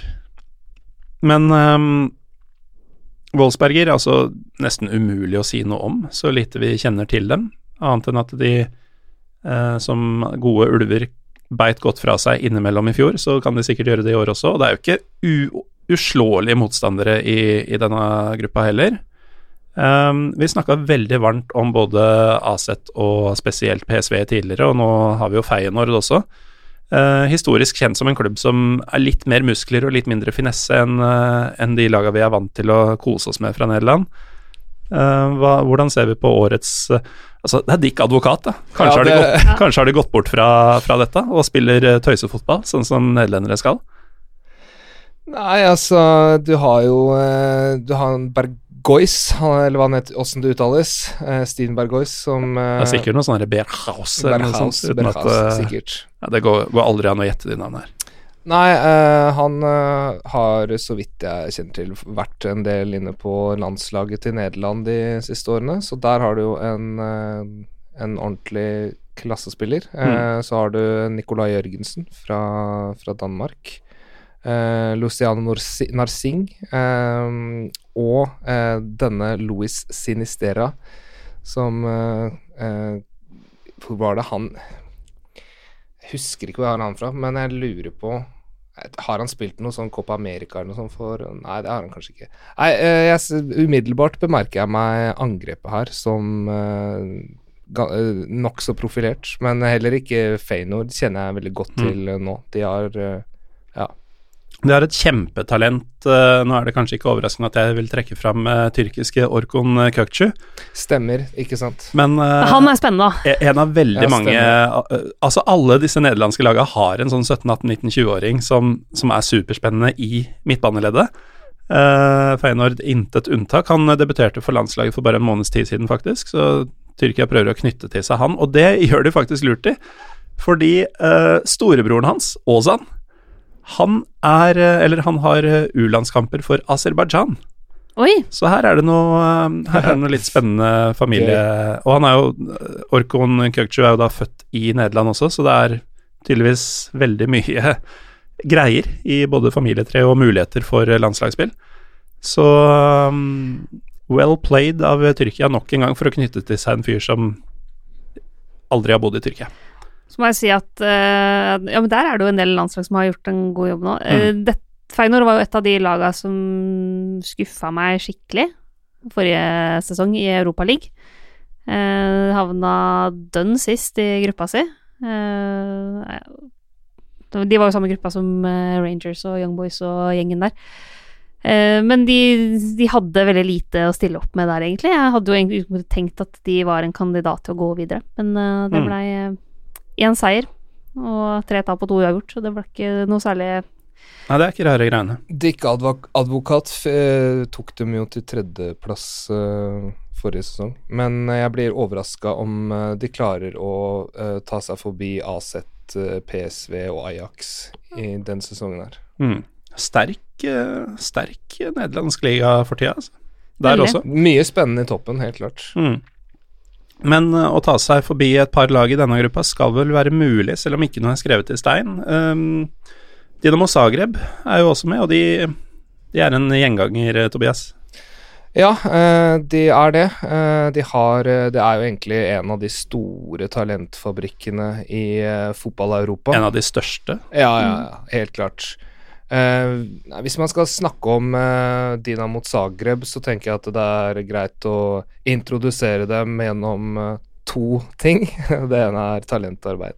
Det andre er eh, Mamic. Mamic-brødrene. Soran, som nå har tatt over Jeg vet ikke, ja, Dette har dere kanskje snakka mye om i Jeg har snakka mye om eh, Stravko, men eh, Stravko, ja. Soran har fått eh, passere. Nei, han har, eh, har vel blitt dømt til nesten fem års fengsel han, for å ha stjålet millioner fra Dinamo. Jeg tror det var snakk om 15 millioner eh, euro pluss eh, skatteunndragelse. Gutta boys, de der, altså. Ja, så har du Stravko med korrupsjonssvindel, korrupsjon, svindel og den derre saken med Eduardo Silva som Ja, og Modric-Lovren-overgangen og sånne ting. Stravko ble vel utsatt for drapsforsøk også, så Kan jo bare det- nevne for eventuelt ja. nye lyttere at eh, hvis Ja. du går tilbake Om det er to års tid, så har vi en episode om Kroatia, hvor uh, spesielt Stravko får uh, gjennomgå, og vi har i det hele tatt en god del episoder om Balkan generelt, hvor han Ja, blir ja. nevnt i bisetninger. Han er vanskelig å komme utenom når du snakker om kroatisk fotball. Ja. Det var jo um, det, det var vel om det var Stravko Mamic? Nei, det var det ikke. Um, glem det. Men eh, det var jo noen eh, populister som bytta navn på klubben til Kroatia Zagreb i sin tid. Jeg lurer på om det var Franjo Tudjman, faktisk, som var en av pådriverne for kroatisk løsrivelse fra Jugoslavia i sin tid. Ja, da de deltok i 98-99 gruppespill i Champions League, så het det jo Kroatia Zagreb. Mm. Og det likte ikke Bad Blue Boys noe. Nei. Men uh, i hvert fall nå, nå er det nye tider, for nå er det brødrene Mamic uh, som styrer showet. Og... Ja, det er jo litt, det er litt sånn sym symptomatisk typisk, føler jeg. Men uh, de har jo I sommer så solgte de jo stoppertalentet sitt Guardiol til Leipzig for ganske mange millioner euro. Mm. Solgte Dani Olmo i vinter til Leipzig. Ja. Eh, Daniel Olmo som var den store stjerna. Nå har de Mm. også han som jeg trodde skulle liksom komme som eh, ta over for Daniel Olmo, eh, Antonio Marin, han er jo leid ut til Monza i Serie B nå, så jeg vet ikke helt hvordan det går med han. Men han Guardiol er jo henta tilbake, og han er jo et av de et av de mest spennende to- stoppertalentene i hele Europa, så hvis man skal basere på hvilke klubber som har vært etter han, for det har vært stort sett alle de største klubbene i Europa. En veldig sånn moderne stoppetype. Så eh, han har i hvert fall store forventninger til. Og så Dominik La Lavokic, er det heter? Livakovic heter han. Keeperen. Yes. Han eh, Det har vært en varslet sånn overgangs... eh, at han skal ta steget ut, men det har ikke skjedd ennå. Nei, og nå er han ikke så ung lenger heller. Nei, han er 25. 25 er ung til å være keeper, da. Jo, men han har liksom vært sånn Ja. Nå drar han til en storliga som 22-åring, 23-åring, og så er han her fortsatt. Jeg tenkte liksom at eh, i, hvis EM skulle blitt spilt i 2020, sånn som var planen, så at det skulle sette Mm. fart på noen, noen overganger. Men det er i hvert fall det er en bra keeper. Så har de jo også en eh, sånn ordentlig ung, eh, men journeyman, i, altså Bruno Petkovic, Mm -mm. Ja. som jo har vært på litt sånn rundtur i dalstrøka innafor i italiensk fotball. Eh, jo, men han har jo vært eh, i en rekke sånne Regiana, Varese, Catania, Trapani, Virtus Entella Altså der her er det mye. Mm. Jeg eh, lurer opp på om det var eh, Catania hvor han fikk sin første proffkontrakt, faktisk. Det, det hadde han Ja. ikke i Kroatia. Det tror jeg stemmer. eh, At han kom ganske ung dit, og så ble han sendt på flere ulike lån. Og så har han jo også vært innom Bologna, blant annet. Så, så han er liksom en fyr som har reist rundt Mm. i ganske mange år, før han nå har landa tilbake igjen i litt- Kroatia. Og så sånn- tror jeg faktisk han også har eh, tatt over eh, Det er han som har erstatta Mario Mandzukic på landslaget. Ja. Det er han, som Ja. har, han er liksom fast i den eh, kroatiske landslagselveren nå, så det er Mm. ganske Ja, den var det ikke mange som så komme, tror jeg. Han Nei, det, Han- han er nok bra, men han er ikke Mandzukic, det må sies. Nei, så har han vel egentlig ikke lykkes noe sted sånn ordentlig før han eh, da kom til Dynamo som ja, godt voksen, kan man jo si, da, når han hadde holdt på så lenge. Han er 26 nå. Og vært i Dynamo i to år. Og før det så skåra han jo knapt mål noe sted. Var veldig mye på lån til Mm. ja, italienske klubber som man nesten ikke tror finnes og sånn. Så um, litt sånn eventyrhistorie der. Eh, late bloomer. Som, som jo ikke er deres varemerke. Det er jo å få opp store talenter, selge dem dyrt, og nå er det ikke så mange igjen av dem, siden de har solgt unna ganske bra de siste åra, men Lovro Ja. Maier, han er der fortsatt. Ja, ikke sant. Han, øhm, han er nok eh, kanskje den store sånn salgsobjektmessige, i Ja. tillegg til Livakovic, som Mina sier er en ung keeper, om ikke en ung spiller Mm. eh, lenger. Ehm, men de er jo som alltid uslåelige i, eh, i Kroatia, og så er de De sikter jo fort inn på Champions League, men, men tar Europaligaen når, de- når de må. Eh, aldri lette å møte, men eh, de skal da møte både Feyenoord og CSKA Moskva, da, som som man trodde man kjente, for de var liksom Det er kanskje det laget som er minst utskiftninger, sånn i mitt hode, over mange år. De åra de var i Champions League hvert Mm. år, så var det de, de samme hver eneste gang. Det var nesten De- så du ble kjent med dem. Ja, men Det var jo gjennom et skikkelig generasjonsskifte for et par eh, sesonger siden. Mm. Eh, og så er det sånn at de fortsatt har veldig mange gamle travere, f.eks. Mario Fernandes, Igor Okinfev, eh, Alan Jagoyev, Kiril Nabapkin, eh, også Gior eh, Georgi Sjenikov, han eh, Ja. venstre wingback-typen. Men så har de også fått inn unge spillere som uh, Kuchaev og Tsjalov er vel ikke så ung lenger, men Arnor Sigurdsson, uh, 21 år gammel islending. Så det er på en måte gjennom et sånt generasjon Og ikke minst uh, Ejuke fra Ja. Heerenveen. Mm.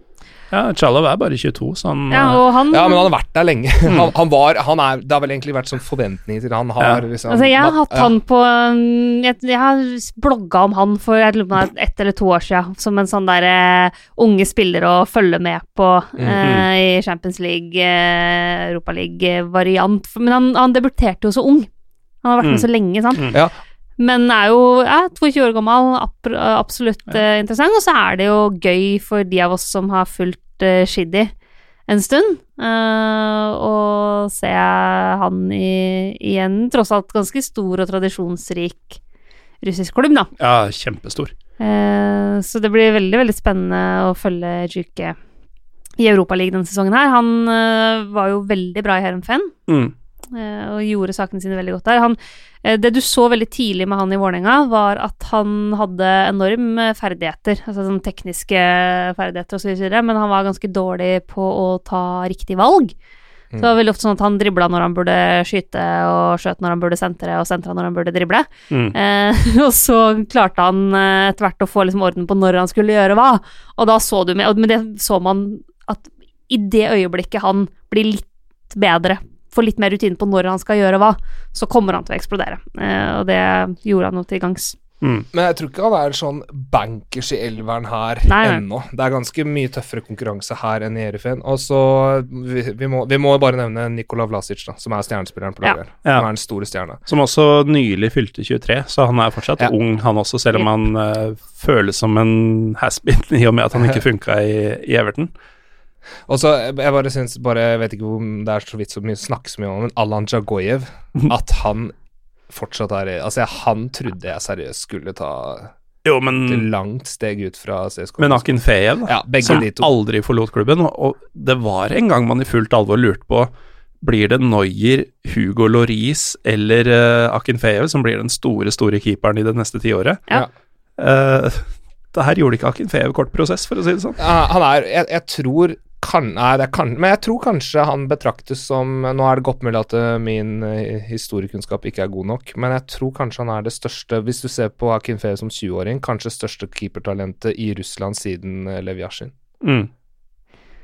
Ja, det kan nok Jeg kommer i hvert fall altså. ikke på noen andre. Da Nei. må det være noen fra før som jeg ikke Ja. har plukka opp. Så eh, det, men Jeg opp med han var et, han var et enormt keepertalent, som du Mm. Mm. hevder.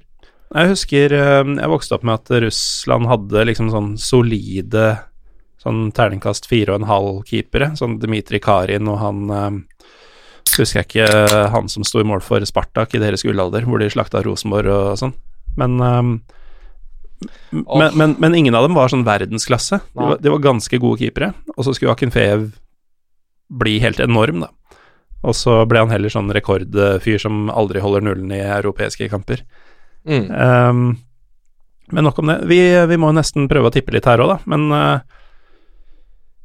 sånn det, det, det blir Feyenoord pluss ett av de østeuropeiske lagene. Men, Ok, men jeg, jeg, jeg kan, da kan jeg tippe først. For Ja. jeg tror eh, begge de østeuropeiske går videre, og at de ja. vesteuropeiske ryker. CSKA 1, Dinamo Zagreb 2, Feyenoord 3 og Wolfsberg 4. Og det er ehm, selvfølgelig med forbehold om galskapen som finnes i Europaligaen, om at uh, det ikke alltid blir sånn som man forventer. Men uh, nei, Dinamo Zagreb og CSKA Moskva, jeg syns de har bra lag, og de har uh, mye erfaring i Europa fra før av. jeg håper dypt og inderlig at du får rett. Ja. Hva sier Mina? Eh, jeg tror at det blir Feinor og CSKA som går videre. Ja, da, da sier jeg Feinor og Dynamo, da, så har vi Ja. tre forskjellige tips. tips. det er deilig. Det er så det, det er så nydelig. Veit dere hva, eller? Etter eh, totalt ca. fire timer, så har vi kommet fram til siste gruppe. Oi, oi, oi. Eh, trodde ikke vi skulle komme hit, men det har vi altså. Vi har kommet til gruppe L, eh, og her Her er det mye rart. Um, vi har det eneste serbiske laget i europeisk fotball denne sesongen, uh, i Cervenas Vesta, eller Røde Stjerne. Uh, dere velger for øvrig selv hva dere vil kalle dem. Uh, vi har Gent, som Jeg nevnte jo han Antwerp-supporteren som jeg hadde en episode med i sommer. jeg ba han om å forklare meg forskjellen på Gent og Genk, og han sa at det ene laget avslutter med en T og det andre med en K. Der har jeg sagt mye feil opp igjennom. og de har jo samme farger også. Det er jo et helvete. Um, apropos samme farger som Gent, så har vi Hoffenheim også. Og så har vi um, Slovan Liberec, som er det tredje tsjekkiske laget. Og jeg blir alltid tatt litt på senga av hvor de kommer fra, fordi Slovan Bratislava er jo mm. ikke mm. tsjekkiske. Um, ja, skal vi begynne med det første, holdt jeg på å si? Skal vi um, begynne med Cervenas Vesta? Ja, Uh, jeg pleier jo da å si Røde Stjerne, Gjør det. Uh, men jeg sier ikke Red Star. Uh, men jeg tenker enten får du gå for norsk eller norsk versjon eller serbisk. Men det er litt fett hvis man ser gamle, gamle artikler fra italienske, tyske, franske nyheter. Så alle kjører det på sitt språk. Ja. Altså Norge er ikke aleine om, om, å ha en egen. Det er Ja, nå husker jeg ikke Råte Sterne og, ja. og sånne ting. Men skal vi våge oss på å påstå at Røde Stjerne er blant de laga som kommer til å merke koronaen hardest, med tanke på tribuneliv og kultur og altså Fordi jeg tror det er lov å si, altså. Ja, det er ikke brannfakkel. Det, altså. det, altså, det, er veldig veldig mange lag i Europa som har eh, fantastisk tribunkultur og herlige supportere og mye lyd og greier og greier, men det er en helt Det er et helt annet nivå. Mm. Kalles jo Rajko Mitic stadion kalles jo bare for Macarena. Ja. Maracana, Maracana, Maracana, unnskyld. Hvis du har sett, vi har kjørt noen sånne hvor du har, du har filma gjennom den spillertunnelen som går denne evig lang katakombeopplegg, og du kommer ut på stadion og mm. har fått høre lyden. Det er en helt syk video, altså. Ja, det, den, og, og, og, det er liksom Det er graffiti i katakombene, og, og det er vakter hver sånn 50 meter sånn. Det føles som det aldri skal ta slutt, og at du aldri er trygg. Og i hvert fall ikke at du er på vei fra, um, fra en garderobe til en Champions League-bane eller Europaliga-bane i år, da. Uh, ganske vanvittig uh, hele opplegget rundt uh, den klubben, og spesielt deres hjemmebane. Og så er det jo altså en av mine store fotballhelter, faktisk. Dejan Stankovic. Ja. Han er trener her nå. Og det er, ikke, det er ikke bare bare, for han er jo flaska opp i klubben. Han er fra, han er fra Beograd, eh, og han spilte ungdomsfotballen sin og den første A-lagsfotballen sin i eh, Røde Stjerne, før han ble han ble vel solgt for sånn 150 millioner eller noe sånt, tror jeg. Enorme penger for en Kanskje ikke så mye, men jeg tror det var 100 og noe millioner kroner da han gikk som veldig ung spiller til Lazio, var det vel først, i forkant av VM 98. Så han er eh, Røde Stjernegutt på sin hals, og har da kommet inn i, som trener og har vel to strake ligamesterskap, tror jeg, siden han uh, kom inn der. Um, og, og, det i seg sjøl er fett, da, for en som, um, som likte spilleren Stankovic uh, veldig godt. Uh, det, det, er jo er jo noen karakterer i, i laget her også. Alexander Katai Vi hadde en episode om serbiske wags ja. med, med, Runar Norvik for bare noen måneder siden. Og Alexander Katai fikk jo rett og slett fyken i om det var LA Galaxy eller LAFC, husker jeg ikke farta. Jeg tror det var Galaxy. På grunn av at dama drev og posta rasistiske ting på internett. Det er sant, det. det han spiller da side ved side med f.eks. ghanesiske Richmond Boyaki, som sikkert ikke byr på problemer i det hele tatt. Um, men eh, jeg, jeg, tror du har helt rett Eh, jeg tror dere har helt rett i at eh, her merkes det at det ikke er supportere. For altså, det, det, var en gang de slo Liverpool på hjemmebane i, uh, i Champions League. Det var vel det, det, det, det Liverpool-laget som vant Champions League seinere den sesongen, tror jeg. Riktig, riktig. Um, det ville de aldri gjort uh, med tomme tribuner. Det var ikke det sesongen Det var sesongen før, så det var 2018-2019. 2018-2019, Ja, det ja, var- og det ja. var Det var da da Ja, stemmer. Herregud, jeg glemmer den hele sommeren her. Jeg er Mm. jo fortsatt litt for uh, kjapt i minne hos meg. Men ja, uh, og de er jo Har jo vært et lag som virkelig har brukt publikummet sitt som en av sine Mm. største styrker. Ja. Det forsvinner jo i år, og da tror jeg fort vekk at det kan bli tøffere. Ja, og spesielt når motstanderne er uh, så lite berusende i seg selv, da, som, som det å møte Liverpool f.eks. er. Så, så du drar, altså tilskuere eller ikke, så drar du ikke fram det samme i deg selv når Hoffenheim kommer. Og så har de jo fått en relativt tøff gruppe òg. Mm. Ja, for det er jo faktisk det. Selv om det er eh, kanskje den minst sexy gruppa i hele gruppespillet, ifølge meg, så, så er den jo ikke lett. Men eh, s- altså, den Røde Stjerne, eller Hirvena Svesta, de har jo eh, De har liksom befesta sin posisjon nå som Serbias beste lag. De har jo vært eh, Ja. Vesentlig bedre enn Partisan, og mye bedre enn, de, enn dem i forhold til hvordan de har vært eh, tidligere sesonger. Eh, men det var jo Vladan eh, Milojevic som uh, som fikk dem inn i Champions League, da blant annet med Marco Marin på laget, men nå er begge forsvunnet til eh, Al-Ali i Saudi-Arabia. Så eh, jeg vet ikke helt, jeg er litt usikker på om de har lag til å Jeg tror, tror absolutt de kan konkurrere om eh, avansement, men ja. Ja, men de får ikke noe gratis. Nei, jeg tror de har sett bedre ut de to foregående sesongene. Mm. Um, det, var, eh, det var Svesta eller eh, Røde Stjerne, men um, hvem, eh, hvem, blir, um, hvem blir tøffest her? Vi får jo i utgangspunktet tenke Hoffenheim. Ja, som blir den rake motsetninga. De, de kan vel nesten Altså, det er ikke det at de spiller for tomme tribuner hjemme til vanlig, men, men det er vel de som bruker supporterne minst, kanskje, av, av disse lagene. Ja, eh, og de har jo eh, stått i noen kontroverser Mm. de siste sesongene. Nå har de jo eh, fått RB Leipzig, da, som har på en måte tatt over tronen som det laget andre supportere er mest misfornøyde med.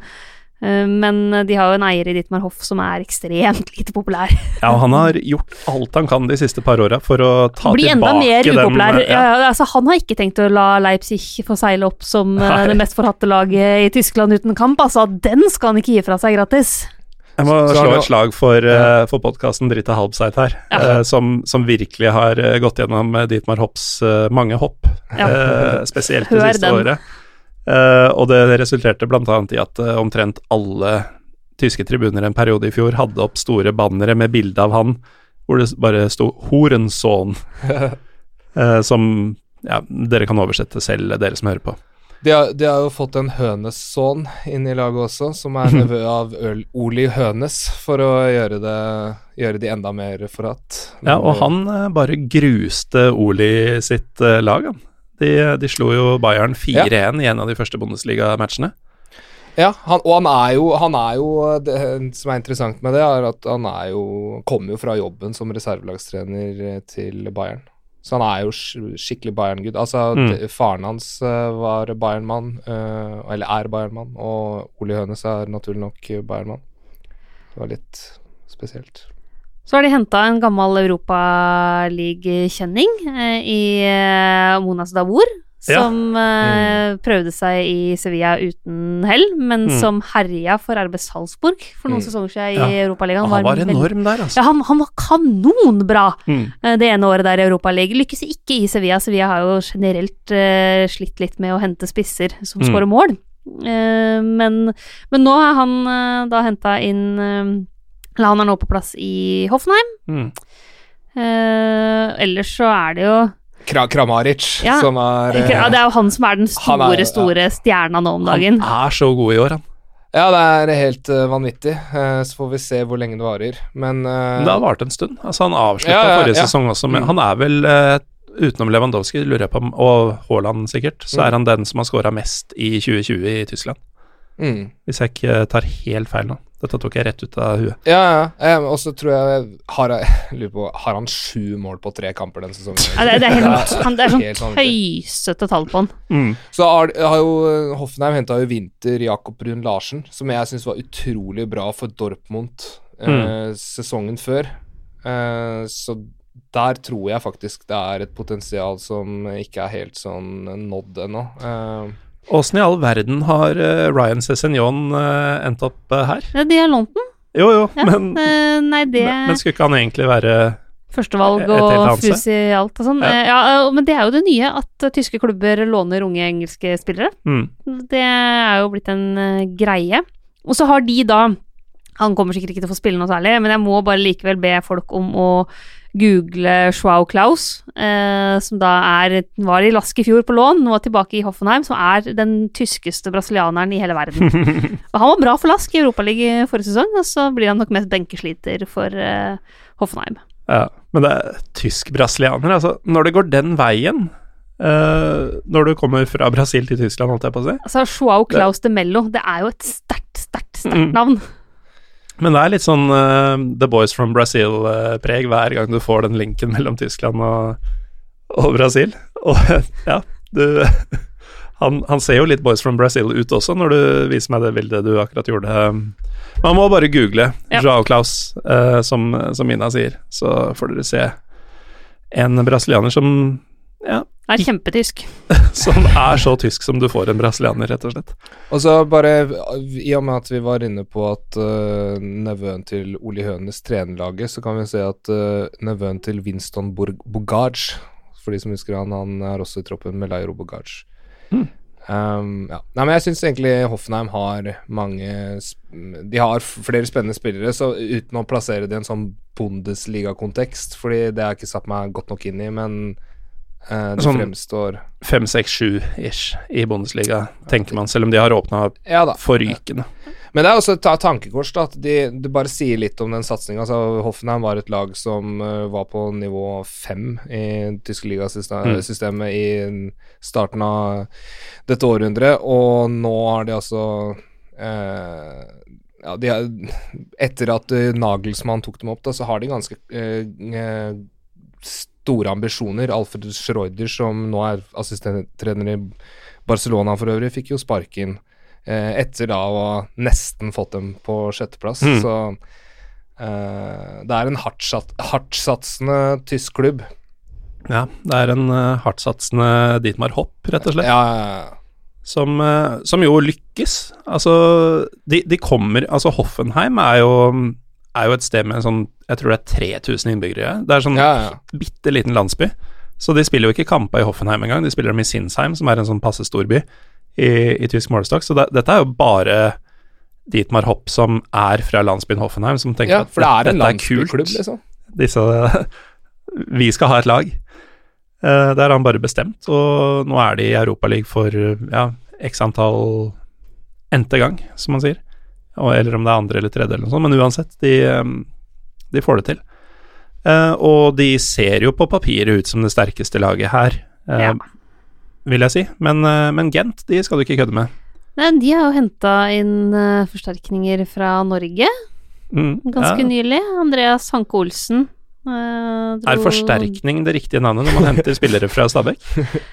Altså, det jo Vi må, vi må jo Vi må jo fortsette å heve fram de norske spillerne som er med i Europaligaen, da. Mm. Nei, men det er jo en spennende overgang for Hank Olsen. Eh, han, da, vi har jo hatt eksempler tidligere på norske spillere som har gått til Belgia og hatt en fin eh, utvikling der. Ja, definitivt. Og det er jo veldig sånn naturlig steg, tenker jeg, for mange spillere å ta. Um, for den norske ligaen, den, den eh, Altså, vi, vi har med Molde i år, men uh, den er uh, svakere enn mange skulle ønske den var. Ja. Og Belgia er såpass mye bedre nå uh, at det er et ordentlig steg å ta. Og hvis du får det til der, som, som er lettere enn om du drar til Frankrike eller Italia eller Tyskland, så er veien til en ordentlig storliga mye, mye kortere. Så får du ofte nyttig europeisk erfaring. Mm. Eh, Så det å spille i en turnering som Europaligaen f.eks. Mm. er kan være enormt givende for unge spillere som er i utvikling. Så, som, også, som også er litt av grunnen, egentlig litt over til noe helt annet, men eh, som også er grunnen til hvor viktig det er for norske klubber å gjøre det bra i Europa, også for alle de andre klubbene. Nettopp fordi at eh, hvis du ser at uh, norske lag produserer spennende spillere, så blir det også mer interessant å Mm. hente fra andre klubber. Ja, definitivt. Og så Siden vi nevner eh, Hanke Olsen, så ser jo dette ut til å være det store dobbeltnavnlaget i, i gruppespillet. For du har uh, hele fire mann i førstelagstroppen som har uh, bindestreker i navnet. Det er altså Andreas Hanke Olsen, Alessio Castro Montes, eh, Mikael Ngadeu Ngajui Jeg gleder meg til den. Ja, den var lei. Og så eh, et sånn halvkjent navn for mange, sikkert. Vadis eh, Ojija Ofoe, som vel var i Var det Norwich? Han var i et Premier League-lag for en del år tilbake, i hvert fall. Jeg, jeg visste ikke dette, men du har helt rett, Mm. Morten. Han var i Norwich. Men uh, her uh, du, du er kanskje glad du er uh, studioekspert og ikke kommentator, Mina, fordi får du Gent, så skal du få litt å bryne deg på. Ja, da har du dårlig tid per navn. Og da har vi ikke tatt med at det er liksom ja, noen iranere og georgere og sånn også, som, som ikke er bare bare. Det er jo et veldig sånn sammensatt lag hvis du ser på nasjonalitet. Mm. Her er det jo folk fra alle bauger og kanter, eh, holdt jeg på å si. Ja. Gent gjorde det bra i Europaligaen i fjor. Eh, vant eh, gruppa si. De var jo i de, en av de litt enklere, kanskje, gruppene for den sesongen, men eh, likevel. De var veldig solide. Røk mot Roma i 16-delsfinalen, men det er uflaks å trekke, å trekke Roma, på en Mm, måte. mm, Eh, Mm. de kunne ha fått langt enklere motstand, men framsto da som et uh, ganske sterkt og solid lag, altså. Ja.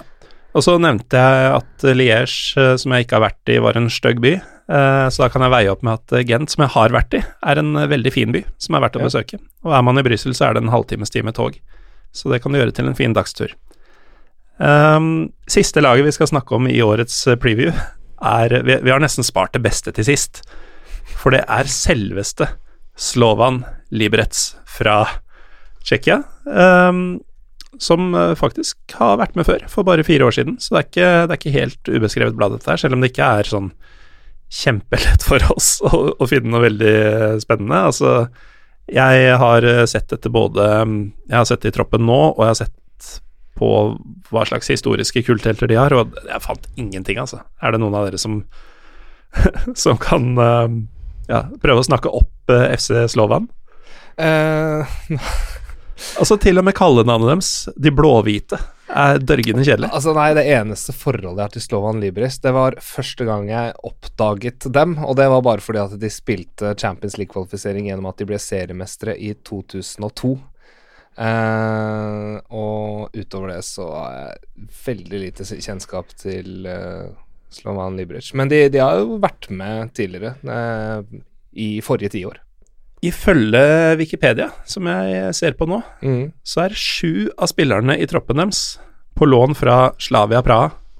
Som, som, som ikke kødd. Det det sant? lukter jo litt uh, det, det, det lukter ikke en eh, holdt på å si egen klubb, dette her. Så hvis de faktisk er et slags farmelag for Slavia, da, som er med i den samme turneringa, da, da har de kommet så langt som et farmelag kan.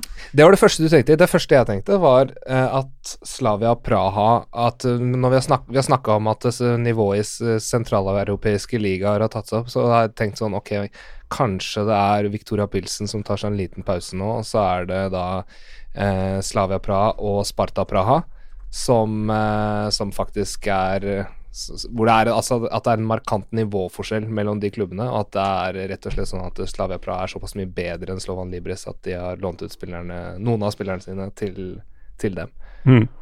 Hvis det er noen uh, halvtsjekkere der ute, så gi oss gjerne svaret på hvorfor Slovan Liberec-troppen er dominert av eh, Slavia Praha-spillere. Um, Hvor mange sa du var? Sju? sju, ja.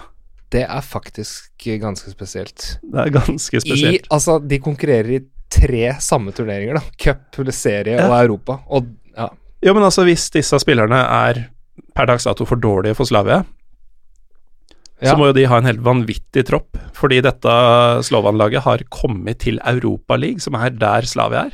hadde vært interessant å se hvor Altså når disse ble leid inn. Om, Ja. det, om alle kom nå i sommer, Ja, jo, ja. eller om de da har vært der uh, tidligere. Mm, Det får vi finne ut eh, litt seinere. Ja. jeg, jeg prøvde nå i forbifarta å google om det var noe vennskap og sånn, men det, jeg fant ingenting uh, mens vi sitter og snakker. Men dette, dette må vi til bunns i. Eh, hjelp oss, dere som hører på. Uh, for um, jeg sier nå at jeg vil til bunns i det, men det er ikke sikkert jeg er like motivert når jeg er ferdig med å redigere og kommer meg i seng og våkner i morgen og drar på jobb og glemmer at dette noensinne skjedde. Så um, Men det er alltid veldig, veldig gøy i, i Europaligaen å få noen helt nye lag, som, Mm. hvor man starter med blanke ark. Da du har ingen eh, fordommer om klubben. Eh, du, du kan på en måte Mm. bare la deg overraske. Eh, det var jo litt sånn jeg f.eks. hadde med Lask forrige sesong, og jeg ble jo kjempebegeistra eh, etter hvert for den fotballen de spilte. Og det syns jeg er gøy med Europaligaen, at du blir kjent med lag som du aldri hadde sett i aksjon hvis det ikke hadde vært for Europa League. For en nydelig måte å avrunde dette på, Mina. Eh, men vi er ikke helt ferdige ennå. Vi må bestemme hvem som går videre her. Um, Hoffenheim-klink. ganske. Så jeg lurer på om jeg nesten har lyst til å sende videre Gent, ja, altså. Eh, Jeg tror, altså, Hvis vi skal anta at Røde Stjerne taper, taper såpass mye på Mm. å ikke lenger ha hjemmebanefordel, pluss at uh, Gent Jeg gikk videre i fjor. Røde Stjerne røyk jo så det sang i gruppespillet Champions League. Ja, og så er jo Katai kommet inn, og da veit du at eh, kona går rundt og sjikanerer de afrikanske Det er veldig slitsomt. Mm. Jeg, jeg tenker at som det er eh, naturlig å anta at kommer til å skje. Nei, jeg tenker kanskje Gent og uh, Ja, at det er Gent som slår følge med Hoffenheim. Jeg syns det låter logisk. Jeg syns det resonnementet er så bra at jeg har ikke lyst til å tilføre noe til det. Jeg er helt enig, jeg Mm. tror akkurat det samme. Ah, og nå sjekka jeg også, Oddsen er enig med meg. Enig med oss. Ja, de, de har eh, tydeligvis mikrofoner i studio her, de også. Så de, de satte den oddsen for 40 sekunder siden, kanskje. Ja. Eh, da er vi faktisk i mål. Vi eh, Og da kan vi jo egentlig innrømme at selv om vi sa i forrige episode at vi spiller inn videre neste uke, så har vi gjort alltid et, et strekk. Så eh, hatten av, eller headsettet av, til eh, dere to som har orka å sitte her i Er vi på i ferd med å tilbringe den femte timen eh, sammen? Det er bare hyggelig, det, vet du. Ja, det, ja, det var jo det. Og eh, i hvert fall når man kommer inn i grooven og drar fram eh, både det ene og det andre av eh, navn og kuriositeter. Um, gleder dere dere mer eller mindre til uh, Europaligaen etter eh, disse fem timene vi har hatt? Eh, for min del så jeg, bare, Det som jeg sitter igjen med, er at eh, vi, vi kunne egentlig snakka om, eh, om det, disse lagene i fem timer. Altså, det var mange av disse Vi- vi lagene som man måtte, ned, vi måtte kutte ned for å komme oss videre til neste. Så eh, nei, jeg blir bare gira og eh, får lyst til å dykke enda mer. Og det første jeg, det første jeg skal gjøre når jeg kommer hjem, det er å lese meg opp på Slovan Libres, for det kunne jeg ingenting om. Nei, og eh, jeg føler jeg kan mindre nå etter å ha sett den lista med Slavia-spillere i troppen. ja, ja, det var mindfuck. Ja, nei, men eh, det er veldig ålreit å være i gang igjen. Altså, jeg skal jobbe med Europaligaen på torsdag. Ja, Det skal du. sparkes det i gang. Det gleder, jeg meg veldig til. Og jeg gleder meg jo ikke noe mindre nå etter å ha vært eh, gjennom alle de godbitene vi skal Mm. få servert på torsdagskveldene utover. Nei, og du får, eh, får spre ordet i redaksjonen også om at eh, hvis eh, de du skal sitte i studio med, lurer på noe, så finnes det ja, fire og en halv time med podkast. hvor vi atter en gang har snakka om alle 48 deltakerklubber. Og med det så er det rett og slett bare å si god natt og ja, kos dere på torsdag, folkens. Eh, takk, Mina Finstadberg og Tobias Storeste Dale, for at dere deltok i dette nye Europaliga-panelet. Og takk til dere som eh, hører på. Håper eh, dere hører på oss neste uke også, når vi snakker om noe helt annet. Vi er Pyro... Vi er Pyro Pivopod på Twitter og Instagram. Følg oss gjerne der. Ha det bra.